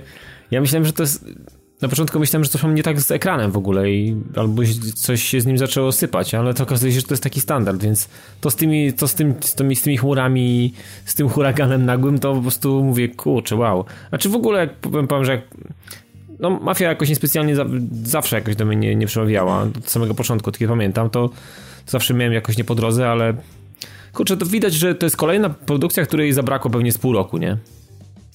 Chociaż nie wiem, czy, czy to jest produkcja do uratowania, no. Moim zdaniem jak najbardziej jest, tylko no wiesz, no bo można narzekać na przykład na to, że aktywności są za mało zróżnicowane i tego nie naprawią, prawda? Ale no jeżeli nie, nie, nie. masz rzeczy związane z tym, że no ktoś, wiesz, postaci czy samochody się zapadają pod ziemię, że gra wywalana do dashboardu też na konsolach, bo mówmy się, że glicze na konsolach też są. To nie jest tak, że tylko port PC jest skopany. No wiadomo, wiadomo. No, no, ta gra ogólnie technicznie i, i, dla mnie to, co jest y, to, y, takie najbardziej uderzające, to jest to, jak bardzo krokiem wstecz w wielu aspektach jest Mafia 3 versus Mafia 2. Zresztą Piotrek, ty też widziałeś ten filmik, prawda? Możesz powiedzieć parę przykładów. To, to porównanie do to... dwójki, tak? Z dwójką to? To zestawienie tam tak. versus... No, no jasne, jasne. Nie, one było absolutnie rewelacyjne. No już nawet zacznijmy od tego, że kwestie techniczne w postaci dymu, który nagle, nagle robi się po prostu, no, no tak jakby ktoś nam grilla rozpalał w okolicy. To jest przedziwne w ogóle zjawisko i no nie bardzo rozumiem do czego tutaj doszło, ale znaczy, no rozumiem do czego doszło, tak? Doszło do odwalenia maniany, no bo inaczej tego się raczej nazwać nie da, więc... Dokładnie, nie, nie ma e, śladów krwi, jak wejdziemy, ubrudzimy buty. Nawet taki aspekt jaki, że inaczej układ nogę, jeżeli trup był pod nią. Tak, no po prostu kolajderów nie ma, także nie, super. Tak, nie, nie ma kolajderów, e, jeżeli nie ma w ogóle takich rozbudowanych opcji kustomizacji e, samochodów, jakichś takich pierdołków w postaci stacji benzynowej czy interaktywnych obiektów. Znaczy to znaczy, że tak, dwójka postawiła bardzo wysoką oprzeczkę mimo wszystko, okazuje się, tak? Że dwójka stała A... zdecydowanie wyżej. Znaczy, dwójka miała zupełnie innego rodzaju problem, bo ona miała dużo takich smaczków, jak ma też GTA. Czyli na przykład, że tam trupy do bagażnika, wiesz, możemy sobie otwierać bagażnik. Znaczy ja w dwójkę trochę grałem, ale bardzo mało. Tylko dwójka miała bardzo fajne misje i miała świetną fabułę, naprawdę mega i Vito Skeleta był fajną postacią, wątki mafijne, była taka klasyczna mafijna opowieść. Naprawdę mhm. super. Tylko, że był wykreowany świat i to miasto, które nie zostało w żaden sposób wykorzystane. Dopiero tam się jakieś DLC pojawiło z, z pobocznymi aktywnościami i Mafia 2 znowu miała wrażenie takie, że ona wyszła za szybko, ponieważ o, im zabrakło po prostu wzbogacenia tego wszystkiego. Istniało wiele elementów w świecie, które nie miały jakby swojego celu, tak? No po co takie ogromne połacie terenu jeździmy między misjami, skoro na przykład jak się już ta misja skończy, to poza jeżdżeniem po mieście bez celu nie ma nic tam do roboty, poza tam szukaniem znajdziek, prawda? Jasne. I, I to było takim zarzutem numer jeden. No a teraz z kolei słyszę często, że Mafia 3 ma dużo powtarzalnych y, aktywności i za mało tych misji takich typowo fabularnych, rozbudowanych. Więc y, no, które podejście jest lepsze? No i ja chyba wolałem to z dwójki. E, zresztą to też jest kwestia klimatu, tak? No, ja nie wiem, czy trójka to jest prawdziwie mafijna historia. Muszę w końcu pograć to, to i może Tomek nam też za tydzień opowie. Czy, czy to nie są po prostu takie gangi bardziej niż, niż taka klasyczna mafia? No wiadomo, że no, można różne mafie, to nie musi być ten stereotypowy mafijny włoski e, jakby plot, czyli znaczy no, linia fabularna. Natomiast e, no nie wiem, czy nie odjechali trochę z tym Lincolnem za bardzo przypadku trójki. Ja niestety mm, właśnie przez tą warstwę techniczną to czekam, aż grę trochę spaczują, bo e, no jeżeli mamy się cieszyć historią i mieć jakąś tam imersję chociaż, no to wyrzucanie do dashboarda, no to sorry, uważam, że to nie jest gra, która jest warta premierowej ceny za coś takiego. No, no to Więc wiadomo. Więc znaczy, ja jest... lojalnie was ostrzegamy przed tym, że wielu graczy ma problemy. Oczywiście jest jak zawsze grupa, która nie ma problemów, no ale to nie znaczy, że, że u wielu graczy one nie występują. Po prostu. No dokładnie. Także wy rozumiem i tak nie chcieliście kupować, więc Nie, nie, no broń Boże, chłopie, daj spokój. Ja się zastanawiałem, ale już teraz się nie zastanawiam. Już decyzja została podjęta. Więc... Znaczy ja miałem, wiecie co, miałem jakiś czas, pojawił się jakiś materiał, nie wiem, czy, albo po, po, po którychś targach gdzieś tam coś wyleciało takiego i nawet tak mówię sobie, kurczę, to może być niezłe, fajne stare fury, w ogóle fajny okres, bardzo mi się to podoba, fajna tematyka w sumie, nie za dużo takich rzeczy jest. Mówię, kurczę, może, może, może, no ale jak tak patrzę, co to, co wyskakuje i to, co to, co piszą oni ludzie, którzy naprawdę zetknęli się z tą produkcją tak konkretnie i pograli swoje i mówią, że jest, jest słabo, no a ufam tym ludziom i wierzę, no to no sorry, no ty... Natomiast tak, natomiast y, nie wszyscy aż tak krytykują. Możecie też wejść na padtv.pl przeczytać wrażenia Adama, który naszego słuchacza, którego pozdrawiamy, który napisał tak rozbudowane wrażenia, że stwierdziliśmy, że opublikujemy je na stronie i on wytyka wiele błędów, natomiast y, twierdzi, że na tyle się był w stanie wkręcić w fabułę i w to, co dobre, że, że nawet y, że gra uratowało mu grę, tak? Tak, i 25 okay. godzin twierdzi, więc plusem jest to, że o ile jest wiele powtarzalnych czynności, to jest taki Assassin's Creedowy sandbox, czyli y, powtarzamy właśnie miejscówki i pewne rzeczy przez 20 godzin, a nie jak w Mad Maxie na przykład przez ileś tam, nie wiem ile ci zajęło, 80 godzin. No, długo, dużo pograłem. 60, między 60 a 80 godzin jakoś tak, ale bliżej 80, bliżej 80 na pewno 80. No to Mafia 3 to nie jest Mad Max, jeżeli chodzi o taką mm. liczbę godzin do rozegrania, więc to, to potraktował jako plus. Więc okay. na, na pewno gra znajdzie swoje grono fanów. Ja żałuję, że, że te technikalia tak ciągną grę, bo ona naprawdę wygląda bardzo słabo, no, pomijając te wszystkie glicze, ona naprawdę wygląda słabo. To doczytywanie samochodów, które jest takie perfidne, mm, tekstury, czy roz, rozwaliły mnie totalnie lustra, które raz na dwie sekundy się odświeżają, nie wiem czy widzieliście. Nie, ten refresh rate jest po prostu świetny, szczególnie, że on, on się łapie, on nawet nie łapie całej postaci, tylko generalnie rzecz biorąc potrafi ją złapać w jakimś takim półrozkroku i na przykład to jest tak jakby ktoś się ruszył przy robieniu panoramy i, i postać no i się rozciągnąć. To jest taka smuga jakby, no. Tak, no takich kwiatków niestety jest więcej, no i można ktoś mówić, no dobra, no jest tutaj gra, co się przyjmować, kto zwraca uwagę na takie pierdoły, no ale jest rok 2016, wymagamy od gier więcej niż na przykład w 2010. Okazuje się, że niestety pod takim względem wykonania to gra jest krokiem wstecz. I, no. I, szkoda, że Tomek, nam, Tomek by się pewnie teraz dołączył do dyskusji, ale y, możemy na tyle zdradzić, że dramatycznie swojego, znaczy waszego sądu ewentualnego, czy waszych oczekiwań by nie zmienił, bo, bo też ma wiele tej grze do zarzucenia. Natomiast możemy znowu powiedzieć o innej grze z trójką w tytule, więc po prostu lecimy Gears of War 3, Wasteland 3, Mafia 3, to teraz Forza Horizon 3. To jest y, ostatnia trójka, jaką się dzisiaj zajmiemy. E, I to jest trójka, która zawitała, e, czy nadjechała do Piotrka, który postanowił się skusić na niezłą promocję i wreszcie, wreszcie udało mu się zanurzyć w, w Australię i kilka pewnie dobrych godzin na tych e, szosach i szutrach rozegrać. I Od, powiedz, jak Odkryłeś coś więcej po, po, niż, niż to, co to było ci dane w demie na pewno, jako tak. Myślę, że kwestia fanu, nie? Ja może zacznę trochę od końca i powiem to, co powinienem powiedzieć na samym końcu mojej wypowiedzi, ale gdybym nie miał Xboxa One, a wiedziałbym, że ta gra istnieje w takiej formie, to bardzo, bardzo bym żałował. Okej. Okay. Bo to jest... Czyli 10, ja, ja mam żałować, 10 tak? na 10, goty. To znaczy, no może nie 10 na 10, ale generalnie rzecz biorąc jest to naprawdę bardzo, bardzo, bardzo solidny tytuł, którego skutecznie można, jeżeli ktoś ma tylko PS4 w domu, to posiadaczom Xbox One i, i mocnych PC-ów może bardzo skutecznie zazdrościć. Tak zupełnie okay. szczerze, bo to jest, to jest gra, która jest absolutnie dopracowana no, w najmniejszych detalach, i są rzeczy, które przeszkadzają, owszem, ale to są takie po prostu pierdoły, jakieś dziwne decyzje designerskie, natomiast ten korowy gameplay oparty o, o, o samochody i o, no, darcie nimi po tych wszystkich otwartych trasach, to jest, to jest absolutny majstersztyk i no, no nie powiem, że jest to goty dla mnie, tak, ale jest mhm. niebezpiecznie blisko. I to jest ciekawe, bo mamy jednak w grze takiej, można powiedzieć, że bliżej do Need for Speeda teoretycznie niż do takiej Forzy czy Gran Turismo. W sensie, mówię Forza to Forza, no ale wiecie o co chodzi. No, z reguły to tytuły, gdzie jeździmy po torach, mają tak rozbudowany garaż, a tu gra, która jednak jest mimo wszystko bardziej arcade'ową odsłoną, ma tak bogaty garaż. To jest naprawdę niesamowite, że im się chciało i jeszcze wszystkie mają wnętrza, prawda? I są nieźle wymodelowane. Czy tam jest jakiś podział na modele bardziej premium i mniej, czy nie? Bo to jest pierwsze pytanie takie moje do, a propos. Czy zauważyłeś, żeby różniły się ilością na przykład poligonów, że to jest bardziej jak auto z piątki, zremasterowane trochę, czy z czwórki na przykład?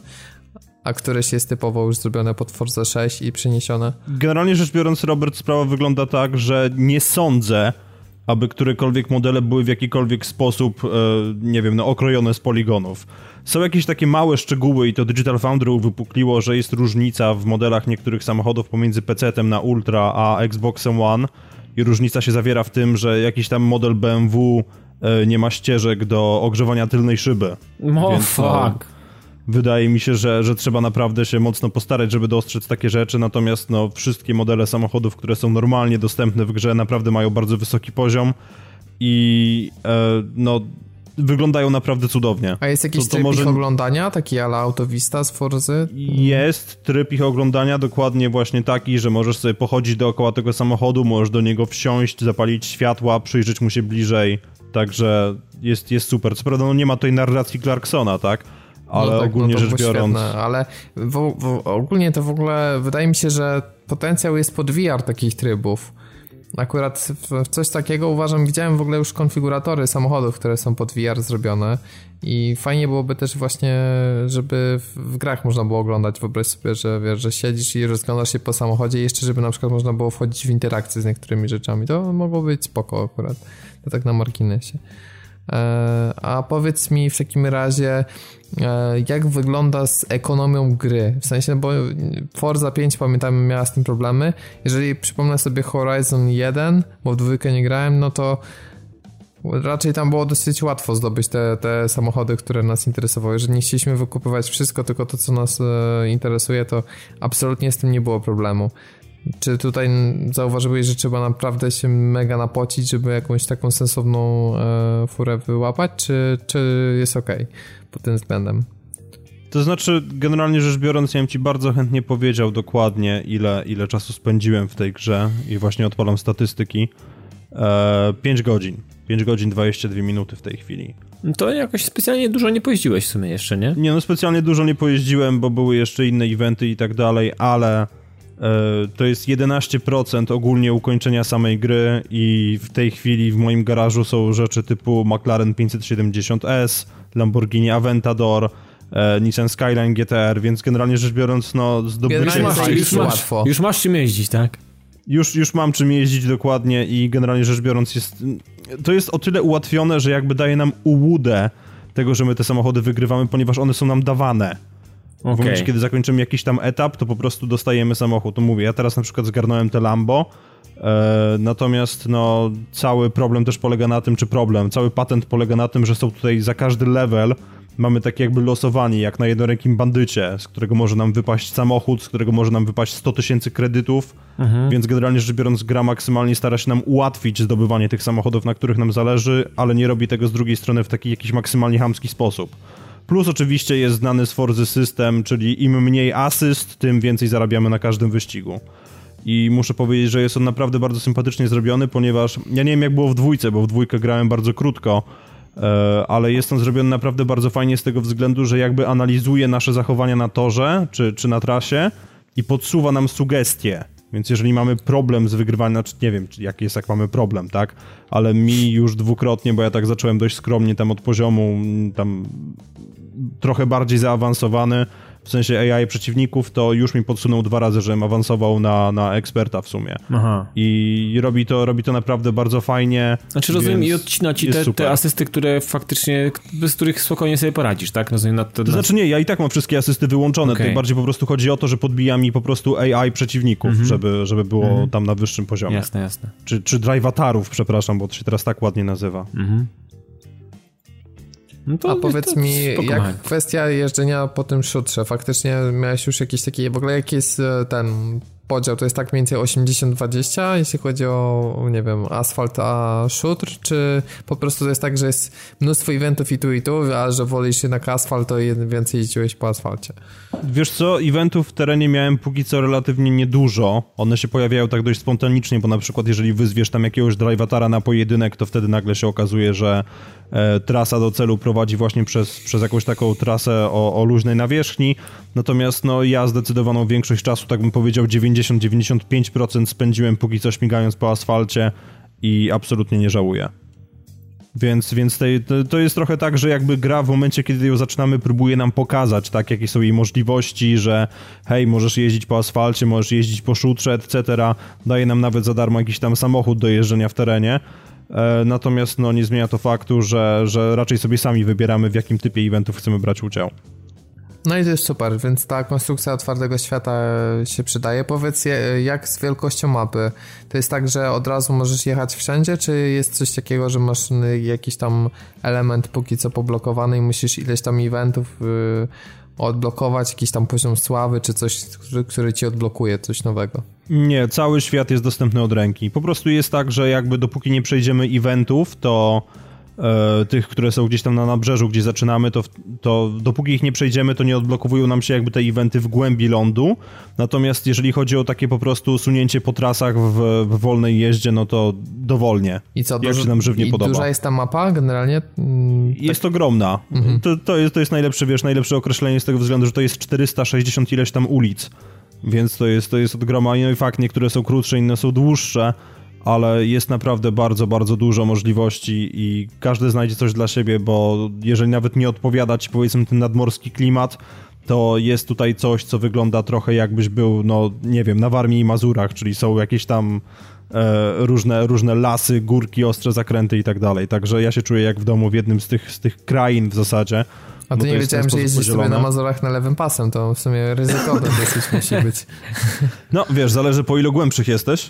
Nie powiedziałem tego. A powiedz, e... e, e powiedz, czy miałeś problem, żeby się przestawić na jazdę lewostronną? E, cały czas mam problem. To no ja pamiętam, że tak dokucza Ja to? pamiętam jak w Sleeping Dogsach po prostu etatowo przy skręcie, jakoś to tak było, że skręt w lewo miałem naj, najgorzej. Zawsze było tak, że skręcałem na ten prawy pas i koniec kaplica po prostu. Nie? No, także ja, ja cały czas mam ten problem i po prostu jest tak, że, że w trakcie wolnej jazdy właśnie gdzieś tam się zagapię, bo patrzę się na laptopa czy coś i nagle się okazuje, że ląduję na masce Bogu Ducha Winnego Forda Fiesta i zaczynam rzucać bluzgami, a potem... A, i się okazuje, że NPC jednak nie był niczemu winny. No, no to, to jest fajne, że oni tu... jeżdżą prawdziwymi też samochodami, prawda? To już od jedynki zdaje się, że było, że, że to nie są jakieś takie kartonowe pudła chyba... nijakie, tylko właśnie tak jak mówisz, jakieś fiesty jeżdżą i inne tam polonezy. Nie wiem jak było w jedynce, nie pamiętam już prawdę powiedziawszy, bo to było bardzo, bardzo dawno temu, natomiast no e, tutaj rzeczywiście są, są wypuszczone jakieś tam Mercedesy klasy S, Mazdy trójki, Mercedesy A, tak więc to wszystko tutaj, co rzeczywiście się porusza po drogach, no to, to już, prawdziwe już samochody. w dwójce też już to było, tak, że to były takie mhm. po prostu fajne autka typowe tam gdzieś dla dla cywilnych jakichś tam ludzi, nie? Jest polo, polo w gazie i... A, jakiś taki właśnie Mercedes, Mercedes, Mercedes A-klasa, to taki dosyć popularny był, więc trochę było takich takich pojazdów klasycznych, że tak powiem. Więc co jest generalnie rzecz biorąc bardzo fajne jeszcze odnośnie tych prawdziwych samochodów, którymi jeżdżą jakieś tam NPC, czy, czy jak to Dawid ostatnio powiedział, że Janusze, którzy wyjeżdżają z bocznych dróg. Tak. E, bardzo fajne jest to, że to nie są właśnie tak jak ty Robert wspomniałeś, jakieś kartony, tak? Tylko to są rzeczywiście modele, które mają wiele, wiele kątów i no nie wyglądają tak, że, że jak się przyjrzysz, to się nagle okazuje, że im się koła nie kręcą, tylko gdzieś tam lewitują. Więc pod kątem, pod kątem detali całego świata no to jest naprawdę pierwsza liga i to jest może dość ryzykowne stwierdzenie, ale mi się wydaje, że ta gra wygląda trochę lepiej niż Drive Club. Wow. Naprawdę? Wygląda, no to jest wygląda, odważne stwierdzenie. Nie, nie, ona wygląda, wygląda lepiej w tym sensie, że jest bardziej równa. Trzyma bardzo wysoki, równy poziom. Bo Drive Club miał tak, że w momencie, kiedy akurat nie padał deszcz albo śnieg i coś w tym stylu, to okazywało się, że, że wcale ta gra nie jest taka śliczna i piękna i w ogóle. A tutaj jest tak, że po prostu mamy naprawdę cały czas jeden stały poziom, który no, dość mocno ryje beret. I... No jeszcze, jeszcze biorąc pod uwagę, że to jest na słabszej konsoli, prawda? W sensie Dokładnie. E, a powiedz, czy są jakieś efekty pogodowe typu właśnie deszcz na przykład? Tak, są efekty pogodowe pokroju deszczu.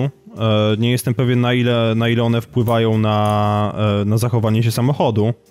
Natomiast no, generalnie rzecz biorąc są te efekty i nie bardzo rozumiem o co chodziło e, w szóstej Forzy Motorsport, bo, bo jakby tutaj wyglądają bardzo ok i, i No pamiętaj, nawet... że w szóstej no, 60 Forzy klatek, 60 tak. klatek, a to 30, nie? Tak, ale po prostu jakoś tak wydaje mi się, że to wszystko zostało bardzo fajnie wyważone i naprawdę e, wygląda to lepiej niż w szóstej Forzie. Serio. No to to jest. Zresztą w szóstej Forzie ten deszcz wyglądał średnio bardzo, więc. Więc mówisz, że to, to już w Forzie Horizon 2 było to, że jak skończy się deszcz, to przez jakiś czas jeszcze są kałuże na drodze, prawda? Więc tutaj też to jest. Tak, w dwójce, tak, że, tak, w dwójce to. Że, że nagle znika i nagle droga jest sucha w momencie, kiedy deszcz się skończy. E, a powiedz mi, e, czy te wyścigi AI są wymagające? Jest jakiś mocny rubber banding? Jak to w ogóle wygląda, jeżeli chodzi o zachowanie właśnie AI w wyścigach. Wiesz, no poziom trudności e, generalnie rzecz biorąc zależy po prostu od tego, co sobie sam ustawisz, czyli no tak dość, dość typowo. E, natomiast rubber banding niestety jest obecny i to, co boli najbardziej w momencie, kiedy znasz się jakby na motoryzacji i wiesz, wiesz co właśnie jedzie przed tobą, e, to to, co boli najbardziej, to jest po prostu fakt, że w wyścigu z tobą, gdzie, gdzie ty masz jakiegoś tam dopasionego Nissana GTR, i, i właśnie pomiędzy takimi się poruszasz, w wyścigu z tobą startuje stara Toyota Sprinter Trueno GT86 i nagle się okazuje, e, że jest najszybsza i po prostu cię bierze na proste, jak mu się żywnie podoba. No fuck. Tak, no to jest zawsze problem, albo no, tak jak w Need for Speedzie przecież było, że tam Golf stary cię brał, nie? I jechał 370 na proste. Tak, nie? ale to dokładnie tak wygląda, że po prostu dochodzi do sytuacji, w której ty, ty wiesz, że masz mocniejszy samochód, no bo punkty punktami, tak, ale, ale no, no wiesz jak wygląda sytuacja i nagle się okazuje, że jednak mimo wszystko nie, że ten gruchot z 1.6 pod maską jest szybszy niż twoje 3,5 i po prostu ma, ma, macie kompletnie w dupie, bo poziom trudności masz ustawiony na wysoki, więc teraz się bujaj z tym, że koleś w samochodzie, który waży 800 kg,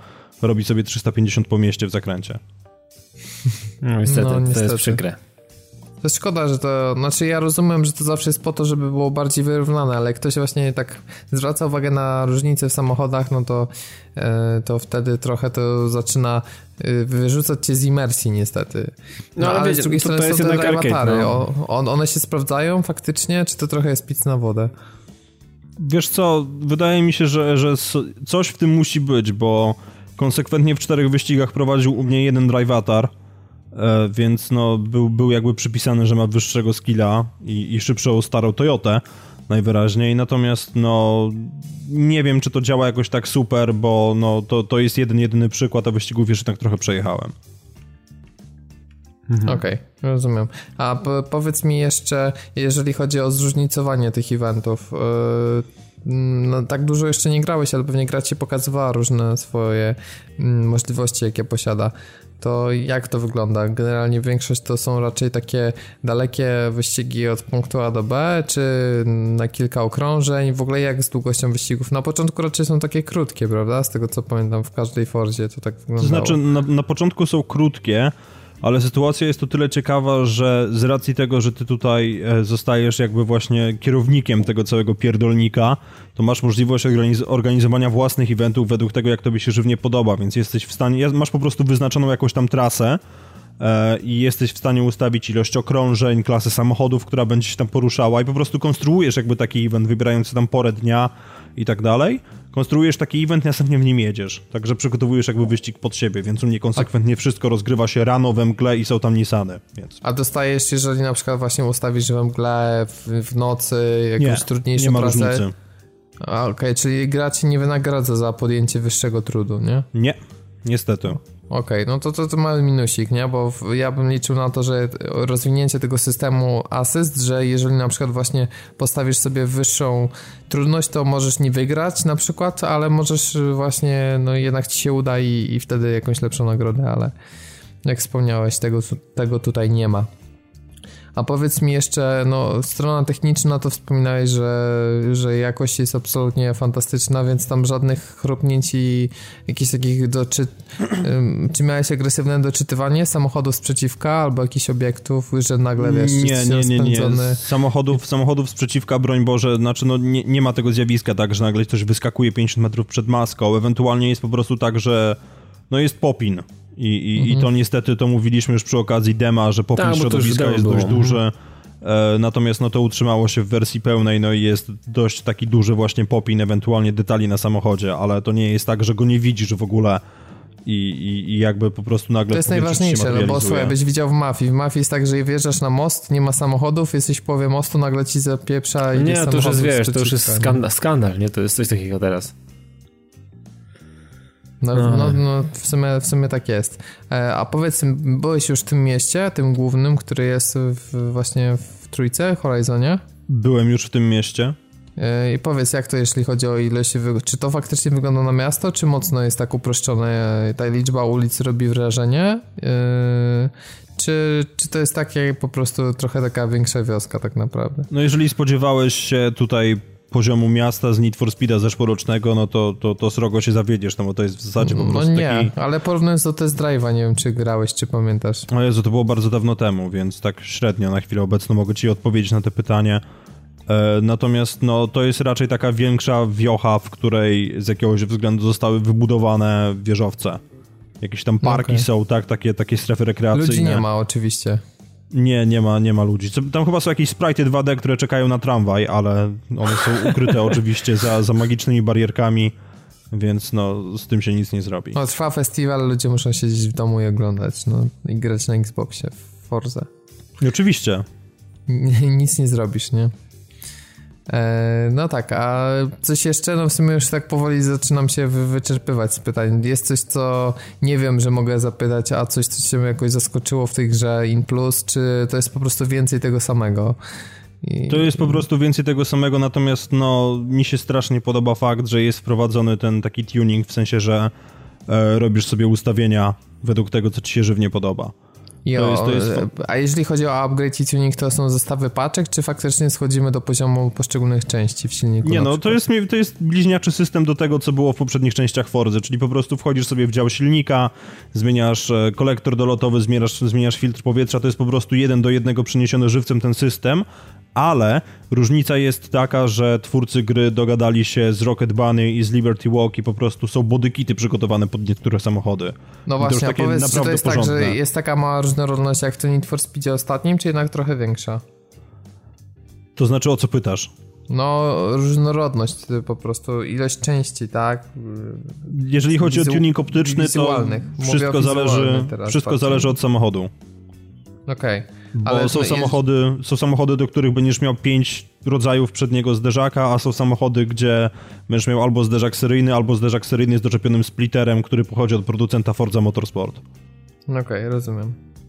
Także tutaj jakiegoś wielkiego, wielkiego szału niestety nie ma. A możesz też modyfikować na przykład spoilery albo jakieś elementy świateł?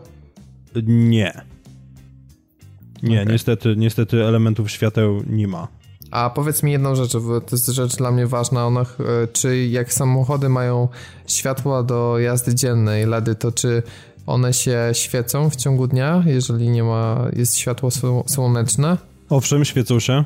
Dobrze. To... Tak, to, to, to jest zdany egzamin, rozumiem. To, to, to, znaczy, no, to, jest, to, jest, ważne? to jest ważna rzecz, która mnie wkurzała właśnie na przykład pamiętam w test drive, że była ta mechanika migania e, światłami, jeżeli chciał się z przeciwnikiem jeździć i wtedy się jakby te LEDy do jazdy dziennej też migały. To wszystko było jako po prostu jedno światło i one się tylko paliły w nocy i to było dla mnie strasznie wnerwiające. Nie, LEDy, LEDy są odpalone okay. cały czas, ale dla mnie większy problem stanowi fakt, że w momencie, kiedy robi się ciemno, to jakby te, te ostatnie, ostatnie chwile ściemniania się to jest taka nagła akceleracja tego, że po prostu no jest szaro, trochę bardziej szaro i nagle jest boom ciemno kompletnie i po prostu nie do końca widać zasięg tych świateł. Jakby wydaje mi się, że one są jednak trochę e, przez moc Xboxa stłumione. Znaczy, czy brak mocy w zasadzie. Że mhm. mogło, mogłoby być lepiej pod tym kątem. Ale tak, no, może tak na Scorpio tym... zobaczymy mocniejsze LEDy, laserowe światła Audi, tak, które tam ma, więc... Product A właśnie placement. jest coś takiego, bo, bo to jest ciekawe. Zazwyczaj w grach jest tak, że jest jeden model świateł. W sensie niezależnie od tego, jaki masz, to mniej więcej zasięg jest podobny. A czy ty zauważyłeś może różnicę w detalach takich, że nie. Audi ma świeci mocniej niż, nie wiem, na przykład jakaś stara Toyota? Absolutnie nie zauważyłem tego typu różnicy, więc muszę cię niestety rozczarować. Wszystko na Big Sononach leci. Chyba trzeba będzie poczekać na kolejną generację niestety na to. Mhm. Wydaje mi się, że Ale to wtedy takie to tak, Myślicie, że takie rzeczy będą kiedyś implementować w grach wyścigowych? Nie wiem, w Drive, w Drive, Clubie, w Drive Clubie tak na przykład jest? W Drive Clubie wydaje mi się, że jest. Nie, wydaje mi się, że widmo, że widmo tam jest różne, w zależności okay. od typu świateł, ale głowy w tej chwili nie dam, no bo już też jakiś czas tej gry nie odpalałem, więc... Jasne. Tak, ale no. wiem, że tam nie było w Drive Clubie jakiegoś samochodu, który miał te żółte światła, takie charakterystyczne i wtedy się jechało i było zupełnie inaczej. Pamiętacie, kiedyś były takie modne, nie pamiętam jak one się było, Było, żółte, były takie żółte, takie faktycznie żółte, takie jajka, kurde. Tak, a jest w Fordzie może taki samochód, który jeździłeś, który miał te żółte światła? Wiesz co, jeszcze nie miałem okazji, ale podejrzewam, że pośród tych 350 coś by się znalazło, szczególnie, że one są podzielone na różne klasy i między innymi właśnie jest taka seria, która dotyczy starych jakby takich rajdówek. Stawiam, że będzie jakaś Lancia Delta Integrale. Jest Lancia Delta Integrale, jest Lancia 037, jest cała reszta Stratos? tych grupowych potworów. Jest, oczywiście. No to fajna autka. Super. A jest, y, są stare Subaru, znaczy te wiesz, z lat 90 tutaj akurat Subaru jest bardzo ciekawa sytuacja, bo tutaj są Subaru, których się nigdy bym nie spodziewał, że będą w tej grze, ale z racji tego, że to jest Australia, on to prawdopodobnie dlatego tutaj trafiły, bo nie wiem, czy kojarzycie taki wspaniały samochodzik, jakim jest Subaru Brat. Nie. No, niespecjalnie. No, no on tutaj, ja ostatnio nawet spotkałem jednego na jednym z warszawskich osiedli. To jest pick-up Subaru z 1980 roku i on w tej grze jest jest stare Subaru Legacy z 1990, jest nawet coupé Subaru z 96 roku, wspaniały SVX, o, który proszę. był bardzo ciekawy, więc generalnie rzecz biorąc, no są to obowiązkowe, tak, impreza 22B, 98 rocznik, ale ogólnie no tutaj, tutaj spektrum jest naprawdę bardzo szerokie i są też takie modele, których normalnie bym się nie spodziewał znaleźć w grze tego typu. Okej, okay, no ale to wiesz, fajnie, no bo dla, dla mnie y, obowiązkowo zawsze jazda Subaru po szutrach, tak, no już w dodatku tym rajdowym w jedynce w Fordzie to po prostu genialnie się, się jeździło, więc, więc fajnie, że tutaj jest co wybierać. Mm, ogólnie jest sporo samochodów y, z napędem na cztery koła, w związku z, z, z jakby z większym naciskiem na szutr. Co, Wiesz co, jeżeli chodzi o samochody z napędem na cztery koła, to jest między innymi PES, ta Tesla P90D. Jest, samochód, jest Tesla w tym? O, to jest, ciekawe. Jest Tesla. szkoda, że nie P100D, nie? Bo teraz jest mocniejszy model, ale kto wie, może w DLC Nie, ale ona, ona nawet ma w nazwie napisane, że with ludicrous mode, także ma, ma odpalone debilne przyspieszenie do setki. No tak czy inaczej, wiesz, tutaj kwestia tego napędu na cztery koła jakby nie do końca się rozbija, tak jak w większości wyścigówek tego typu, no bo samochody można bardzo mocno modyfikować pod kątem mechanicznym. Co prawda to jest momentami też idiotyczne, no bo jeżeli masz rodzinnego sedana, no to wiadomo, że nie władujesz do niego V8, ale hej, tu się jednak da. Więc praktycznie każdy samochód, który no, ma, ma silnik z przodu, można przerobić na cztery koła, także miał napęd.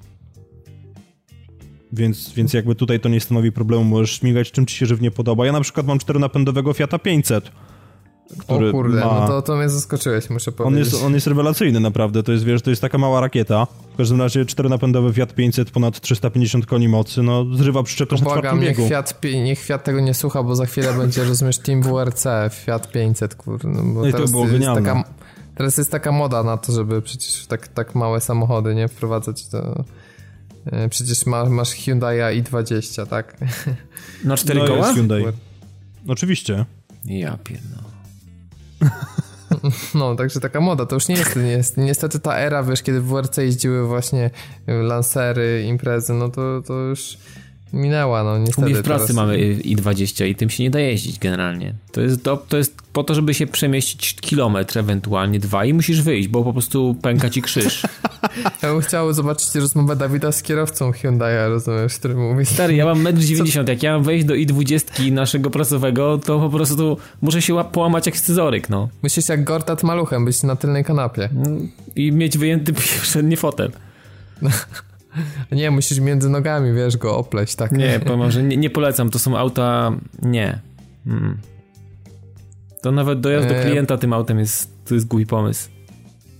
No ale wspomniałeś, że możesz sobie sam tworzyć rodzaje eventów, no ale duża jest różnorodność, bo w, w, powiedz jakie, jakie rodzaje eventy można spotkać.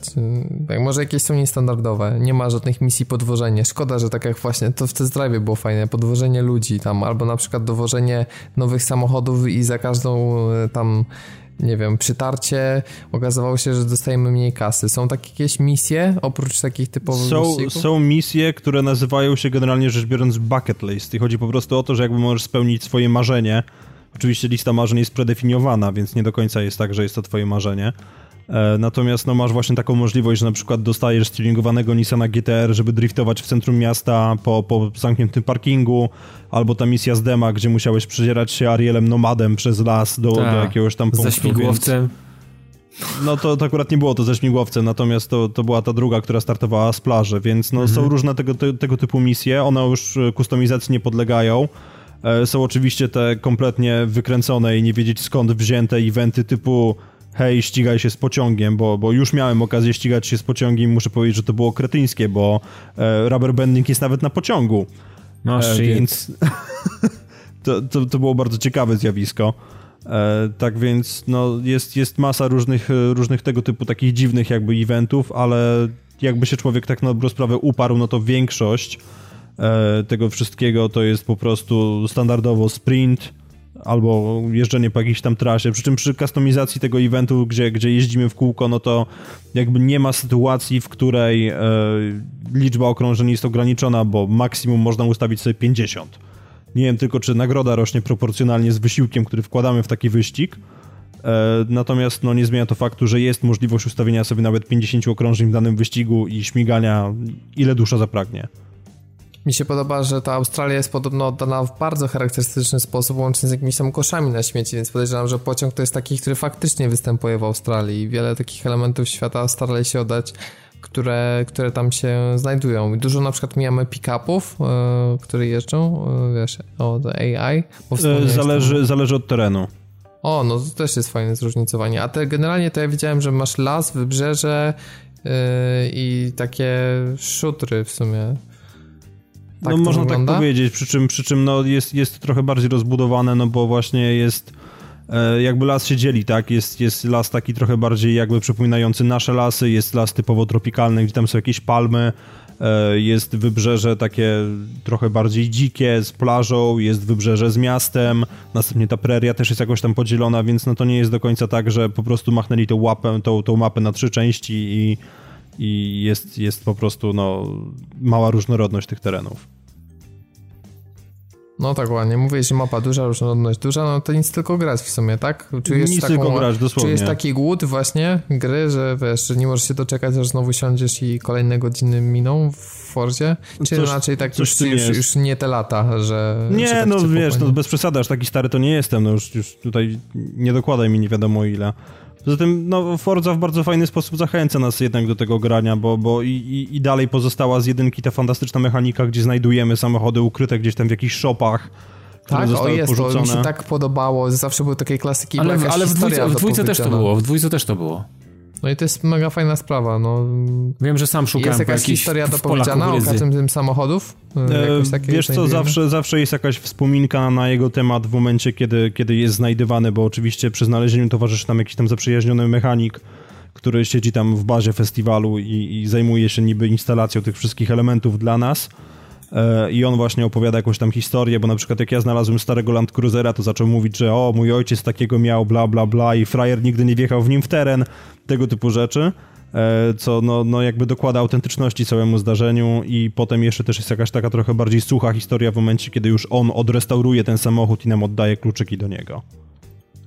No, no to jest super sprawa. Bardzo fajne są takie wstawki. Nie, ale przede wszystkim tutaj... mamy tutaj znajdźki, billboardy, coś takiego? Mamy znajdźki, jest ich więcej niż było dotychczas, bo jest tam, są, są różne typy, e, które tam pozwalają nam jakby... W ogóle fajne jest to, że z tego, co przynajmniej zrozumiałem do tej pory, to Forza ma taką mechanikę, która jakby w pewnym sensie każe nas za, za brak chęci do jeżdżenia. To jest po prostu te, te skakanie między eventami, teleportacja kosztuje nas kasę z naszego konta. No to jest fajna sprawa. Nie pamiętam, czy czasem to już nie było w jedynce, wiesz? Jak tak się zastanawiam. Chociaż ja tam wszędzie pamiętam, że jeździłem, bo po prostu lub, no właśnie. to. E, no, no, właśnie. No więc e, więcej tego samego. Ty w dwójkę za dużo nie grałeś, więc na pewno nie czujesz takiego przesytu, nie? No więc nie odpowiesz na pytanie, co jak ktoś, wiesz, nagrał dwójkę, czy nie będzie przesytu z trójką, ale chyba nie ma narzekań na to. Nie, wiesz co, wydaje mi się, że, że to jest na tyle, na tyle właśnie podbite jakby wszystko, co jest w tej grze, jest jeszcze podkręcone na 11 w stosunku do dwójki, że jakby nie ma tej mowy o przesycie, poza tym no uaktualniona baza samochodów jakby i przede wszystkim ogromne połacie różnorodnego terenu, także jest, jest moc.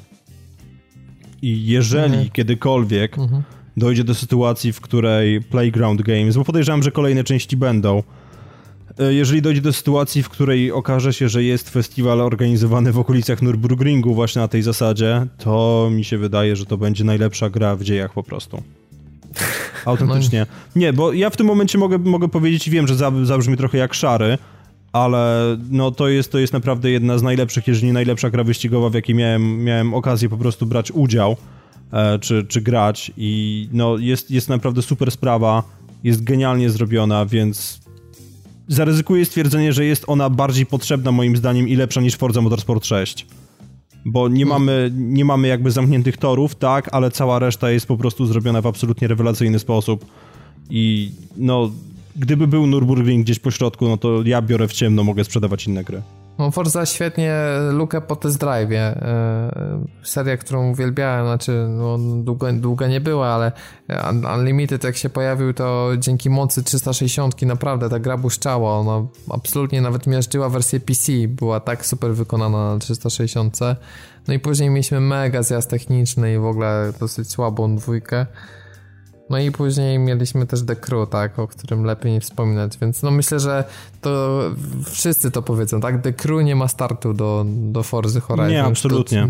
To... Absolutnie. Poza tym jest, jest ten taki bardzo uzależniający system naliczania bonusowych punktów, za które też nam się dodatkowe rzeczy odblokowują, więc no tutaj naprawdę samo jeżdżenie sprawia po prostu dziką, taką naprawdę dziką przyjemność i no mógłbym po prostu odpalić tę grę tylko po to, żeby, żeby tym McLarenem, którego gdzieś tam wyrwałem czy coś, śmigać non-stop i byłbym naprawdę zadowolony, bo to jest to, co robię, tak? Nie chce mi się za bardzo jeździć w wyścigach w związku z tym, że ten free roam jest tak uzależniający. No i świetny model jazdy, prawda? To też trzeba znaczy model jazdy zależy po prostu od tego, jak go sobie sam ustawisz.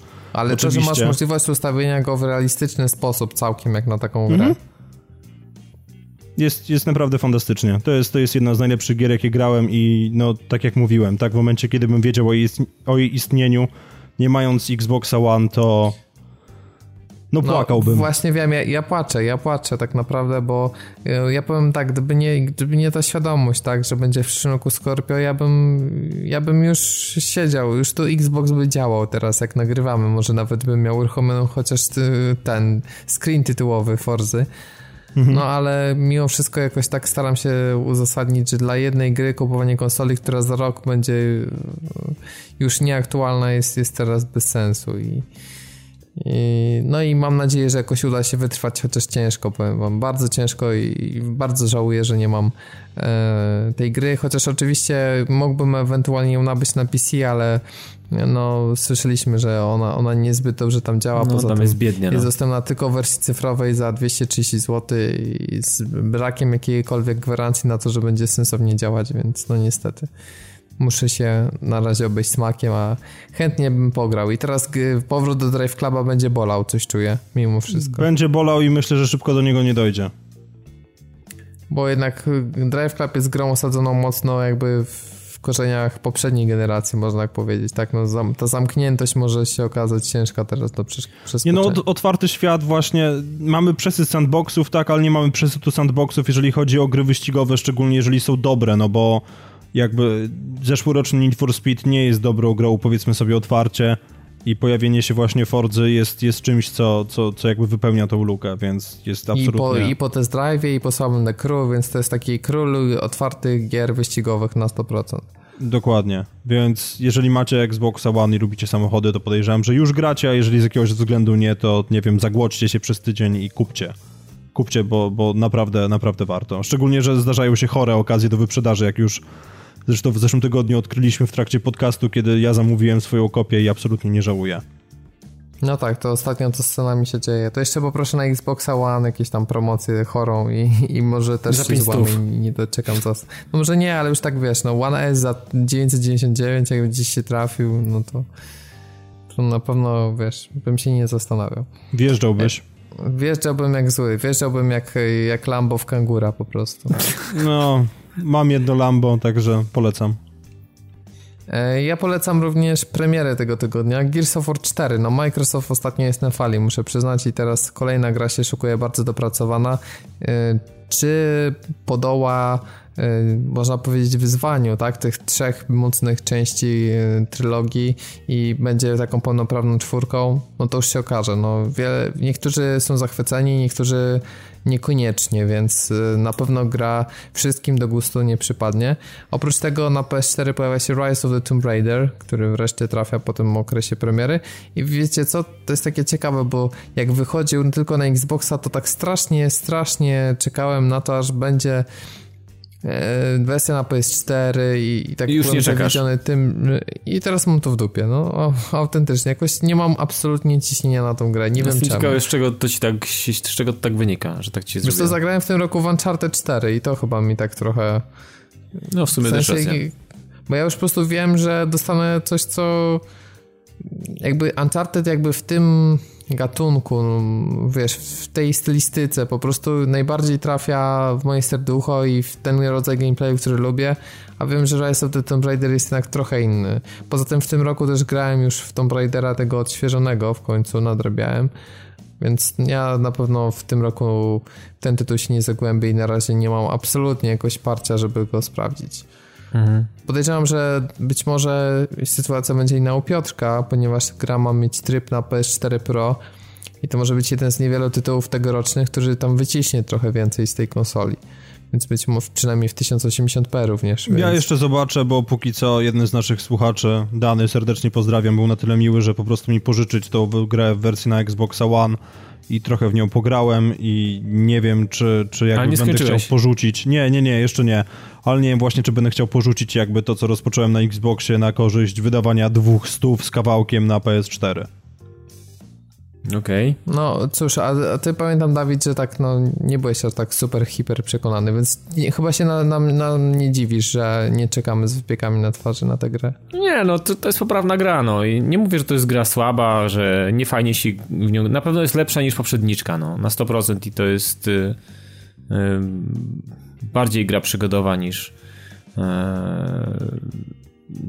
no tak, no, no, no, nie jest taka nudna przede wszystkim, nie jest taka monotonna, po prostu yy, wcześniejszej części po prostu nie, miałem, nie miałem siły, żeby ją kończyć, a tutaj jest zupełnie coś innego, no. Znaczy grało mi się yy, w Rise of Tomb Raider grało mi się naprawdę super i z, i z epiekami do, na twarzy ją kończyłem, ale, ale no, to nie jest też nic wyjątkowego, no także wcale się nie dziwię, że jakoś niespecjalnie czekacie. No. Po prostu już po takim czasie ona jest jakoś tak szybko z niej emocje ulatują, tak? To nie jest gra, o której się długo rozmawia. Mam no nie, no nie, nie, nie, nie. Ale, jest, ale to jest dobra gra mimo wszystko. Warto kiedyś sobie tą w nią zagrać, no.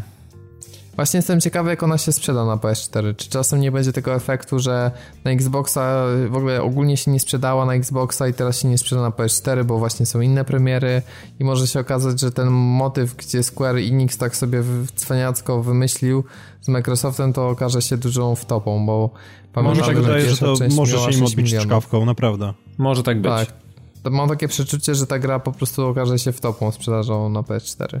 Więc jestem ciekawy, jak to będzie w Wielkiej Brytanii. Tym bardziej, że startuje z Gearsami, więc... Znaczy, może to, jest, może to nie jest głupie, tak? No bo posiadacze Xboxa One już grali w Rise of the Tomb Raider. Tak, to, to na nich nie robi wrażenia, wiesz, tak naprawdę to, to wiesz, przechodzisz koło tego, bo obojętnie całkowicie, nie? Natomiast posiadacze PS4 może kupią Tomb Raidera. Jak będzie, zobaczymy.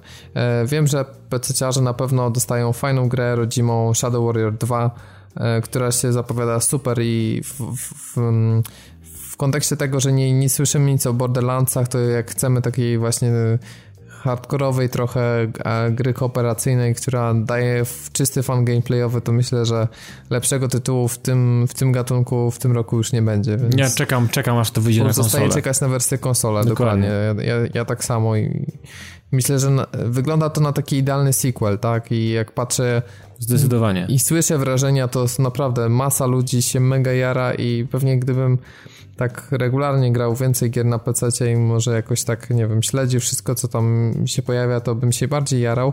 Natomiast na pewno czekam, tak jak Dawid, na wersję konsolową ja i cieszę się, że, że Polacy taką fajną grę tworzą, bo to jest nasz kolejny taki fajny towar eksportowy, który myślę, że może zdobyć spore grono danych fanów, tak jak zresztą ta pierwsza część. Nie no. Która przywróciła markę w dobrym stylu. Wygląda solidnie i Mam nadzieję, że szybko pojawi się informacja, bo na razie, na razie nawet nie ma informacji co do konsolowej wersji, kiedy i co i tak dalej. Znaczy więc... ja słyszałem, że być może to będzie już początek przyszłego roku, że to nie jest jakiś tam rok czekania. No, to całe szczęście. Trochę jak ale... z X-Comem mm. dwójką, nie? Może być, że do pół roku się wykręcą.